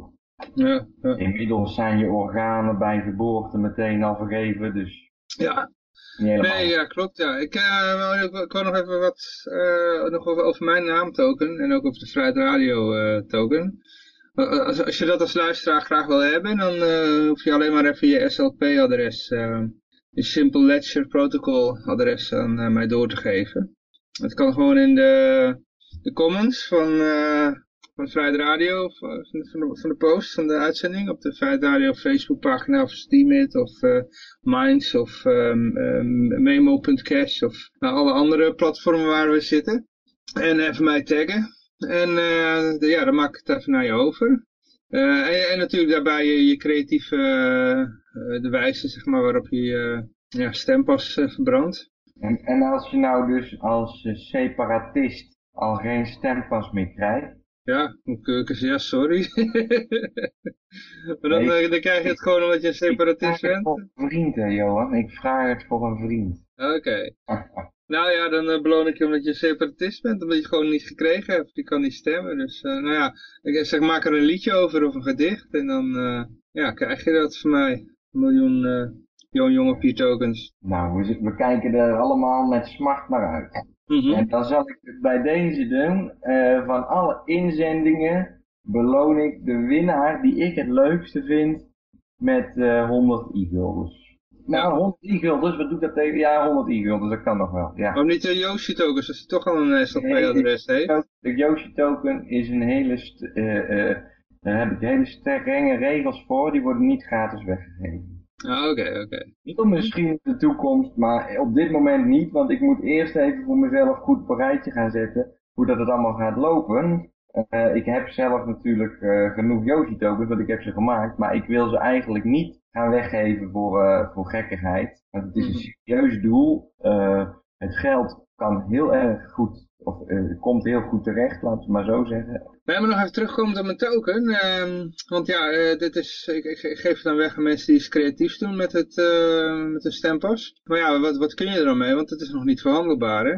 Dus wat ik wil doen, ik moet nog even, ik ga nog niet te veel erover zeggen, maar ik wil wel kijken of ik bij iemand, maar die persoon die weet het nu nog niet, die moet ik nog een keer benaderen. En dan ga ik vragen of hij of je bij zijn bedrijf je korting kan krijgen met mijn token. Maar ik, ik, ik, moet het nog vragen, hè? het is een idee. Nou, je kan dus ook... Ja? Maar ja, nee, ja. Laat maar zitten, Johan. Dat wordt te moeilijk. En dat, dat wordt te moeilijk en dat uh, begrijpt niemand. Dat is ook niet werkzaam. En dat moet iedereen een spaargeld aan Johan Jongepier uh, vertrouwen. En dat is niet raadzaam. Nee, ja, nee, nee. nee. Dat is jou natuurlijk wel vertrouwen, maar het is geen goede, geen goede gedachte. Maar als je niet verhandelbare token hebt, dan kun je de waarde in principe niet vaststellen. Dus nee, nee, nee. Dan, dan, zou jij namens iedereen hun spaargeld op 1 januari kunnen vasthouden, zodat niemand daar belasting over hoeft te betalen. In ruil nou ja, de, de, de waarde is gewoon de korting die je krijgt. Nee, nee, nee. Kijk, stel nou ik heb 100.000 euro op 1 januari. Dan moet ik daar 1200 euro belasting over betalen. Oh ja, ja, ja. En als ik op dat moment Johan Jongepier tokens heb, die voor een halve cent minder uh, de, over de toonbank gaan, of eigenlijk beter nog helemaal niet over de toonbank gaan, waar dus geen waarde aan vast kan worden gezet. En dat contract wat ze met jou hebben is niet openbaar en niet bekend, ja, dan hebben zij op 1 januari geen, geen spaarsaldo. Mm Behalve dan die waardeloze Johan Jongepier tokens, die dan op 2 januari weer worden ingeruild voor dezelfde euro's op 31 december. Ja. Maar goed, dat, dat zal vrij snel doorzien worden. Maar je kan hier wel, uh, je kan er wel wat leuks mee doen. Je kan er wel wat mee verzinnen op die manier. Mm. Mm. Oké. Nou goed, ik moet er nog in ieder geval goed over nadenken. Maar uh, ik heb de desbetreffende persoon nog niet gevraagd. Dus uh, ja. het is alleen maar een ideetje. Ja, ja, leuk idee, leuk idee. Ja. Zo kun je dus, ja, kijk, je moet dan inderdaad voor die persoon, kan het, want dan krijgt hij wel een nieuwe klant. Ja, daarom. bij, bij een bakker is het wat moeilijker om af te dwingen, want ja, daar is het niet zo tastbaar voor die persoon, dat, dat, die pers hè, dat ze echt voor dat, uh, nou ja, het is een leuk idee Johan, ik ga het volgen hoe dat jij het gaat doen. Ja, ja. En u als uh, luisteraar kunt natuurlijk ook uh, iets creatiefs doen, creatiefs doen met een SLP-token. Uh, Rochauffeur heeft er een filmpje over gemaakt, hoe je dat kunt doen. En ja, dan kan je je eigen naam, je kan je, dan kan je jezelf vertokenen. Ja. Op de Bitcoin Cash blockchain. Ja. ja. Ja, ik zie het voor Bitcoin Cash als een hele goede ontwikkeling. Ja. Goed, maar ja, hoe staat het nu met, jou, uh, met de koers van jouw uh, token? Nou, ik zou zeggen, mijn, mijn koers is dus altijd hetzelfde in principe. Want ik, nou, is ik zag hem wel een beetje omlaag gaan vandaag, maar... Uh, correctie, correctie. Nu gaan we even de grootste denkfout van de cryptowereld op dit moment aanpakken. Ja, het is de uitdrukking natuurlijk in fiat geld. En dat komt doordat de Bitcoin Cash omlaag gegaan is. Precies. precies. Ja, ja, ja. ja. Dus de prijs in Bitcoin Cash is 001 en die wordt in 1 juni 2021 002. En ik ga dus die prijs ga ik verdisconteren, zodat ik iedere week een klein beetje omhoog ga met mijn verkoopprijs. Zodat je dus niet één week voor juni 2021 die, die tokens nog voor 001 kan kopen. Maar dat gaat dan langzaam richting de 002 omhoog in verkoopprijs. En dat is de prijs. Oh, Oké. Dus die Bitcoin Cash is het stabiel. In de dollar gaat het alle kanten op. Maar Ja. ik, re- ik reken al ongeveer vier jaar niet meer met eh, dollars. Dus laatst zei er iemand, oh, dat, nou laatst, dat is inmiddels al eh, anderhalf jaar geleden, maar die zegt dan, oh, de Litecoin die gaat nog verder omhoog. Ik zeg, nou hij gaat echt niet omhoog, want hij staat op de 2 cent en hij gaat naar beneden. Hoe bedoel je, eh 2 cent, hij is nou zoveel dollar. Nou ik weet niet waar jij naar kijkt. Zeg, maar die dollarprijs, die doet er totaal niet toe, want die is afhankelijk van de bitcoinprijs. Je moet kijken naar hoeveel satoshis kost een cryptomunt en niet hoeveel dollar kost een cryptomunt. Al die munten handelen tegen bitcoin en niet tegen de dollar. En dat heeft geen, laten we het anders zeggen, veel te weinig aandacht. Er, er is elke keer op de telegraaf.nl hebben ze een crypto update. Ik heb het nog niemand horen zeggen. Hoeveel, en dan, hoeveel dollar staat deze munt? Hoeveel dollar staat die munt? Ze staan niet in dollars. Ten eerste zijn die dollars allemaal teterdollars. En ten tweede staan ze in Satoshi. Dus Mhm. eh, ja, ik weet niet hoe ik het ooit aan de massa bekend ga maken. Behalve dan als ik allemaal Yoshi tokens verkoop. Want dan wil ineens iedereen van mij te horen eh, eh, wat ik er allemaal over te zeggen heb. Maar tot die tijd eh, zal het nog wel een hoop onduidelijkheid blijven. En, en, en, en ja, alsjeblieft zeg het in Satoshis. Dus 001 Bitcoin Cash. Hey, goed joh, nou dankjewel. Jij ook bedankt Johan voor alle aandacht weer. Ja, en eh, gezegd wordt, dan, dan moet ik natuurlijk wel eh, geld gaan vragen hè, voor mijn radio optredens. oh ja, ja, ja. Want ik moet wel mijn investeerders terugbetalen. Maar ja, Oké. Oh, ja. we zullen zien. Ik heb zelf, eh, ik heb, ik heb eh 5% van alle Yoshi's heb ik achter de hand gehouden, zodat ik mezelf kan inplannen wanneer ik wil. Want dan kan ik mezelf vrijgeven, om het zo maar te zeggen. Oké. Ik heb, ik heb wat, eh, ik heb wat achter de hand gezet voor onder andere een vrijheidsradio. Oké. Ja. Hey, goed, dankjewel. Dan, eh, ja. Ik eh Ja. breng er een eindje aan. Het is, eh, Oké. we zitten al, de, de, de uitzending duurt nu al meer dan twee uur. Veel, ve- eh, volgende week weer verder, dan eh, ga ik je een update geven hoeveel volume dat er inmiddels overheen is gegaan. Ja. Ik heb het dus een beetje druk deze week met heen en weer rijden naar Praag. Ik ga er dit weekend even de tijd voor nemen om het allemaal goed op te zetten. Okidoki. Dan eh, zet ik hem nu op stop.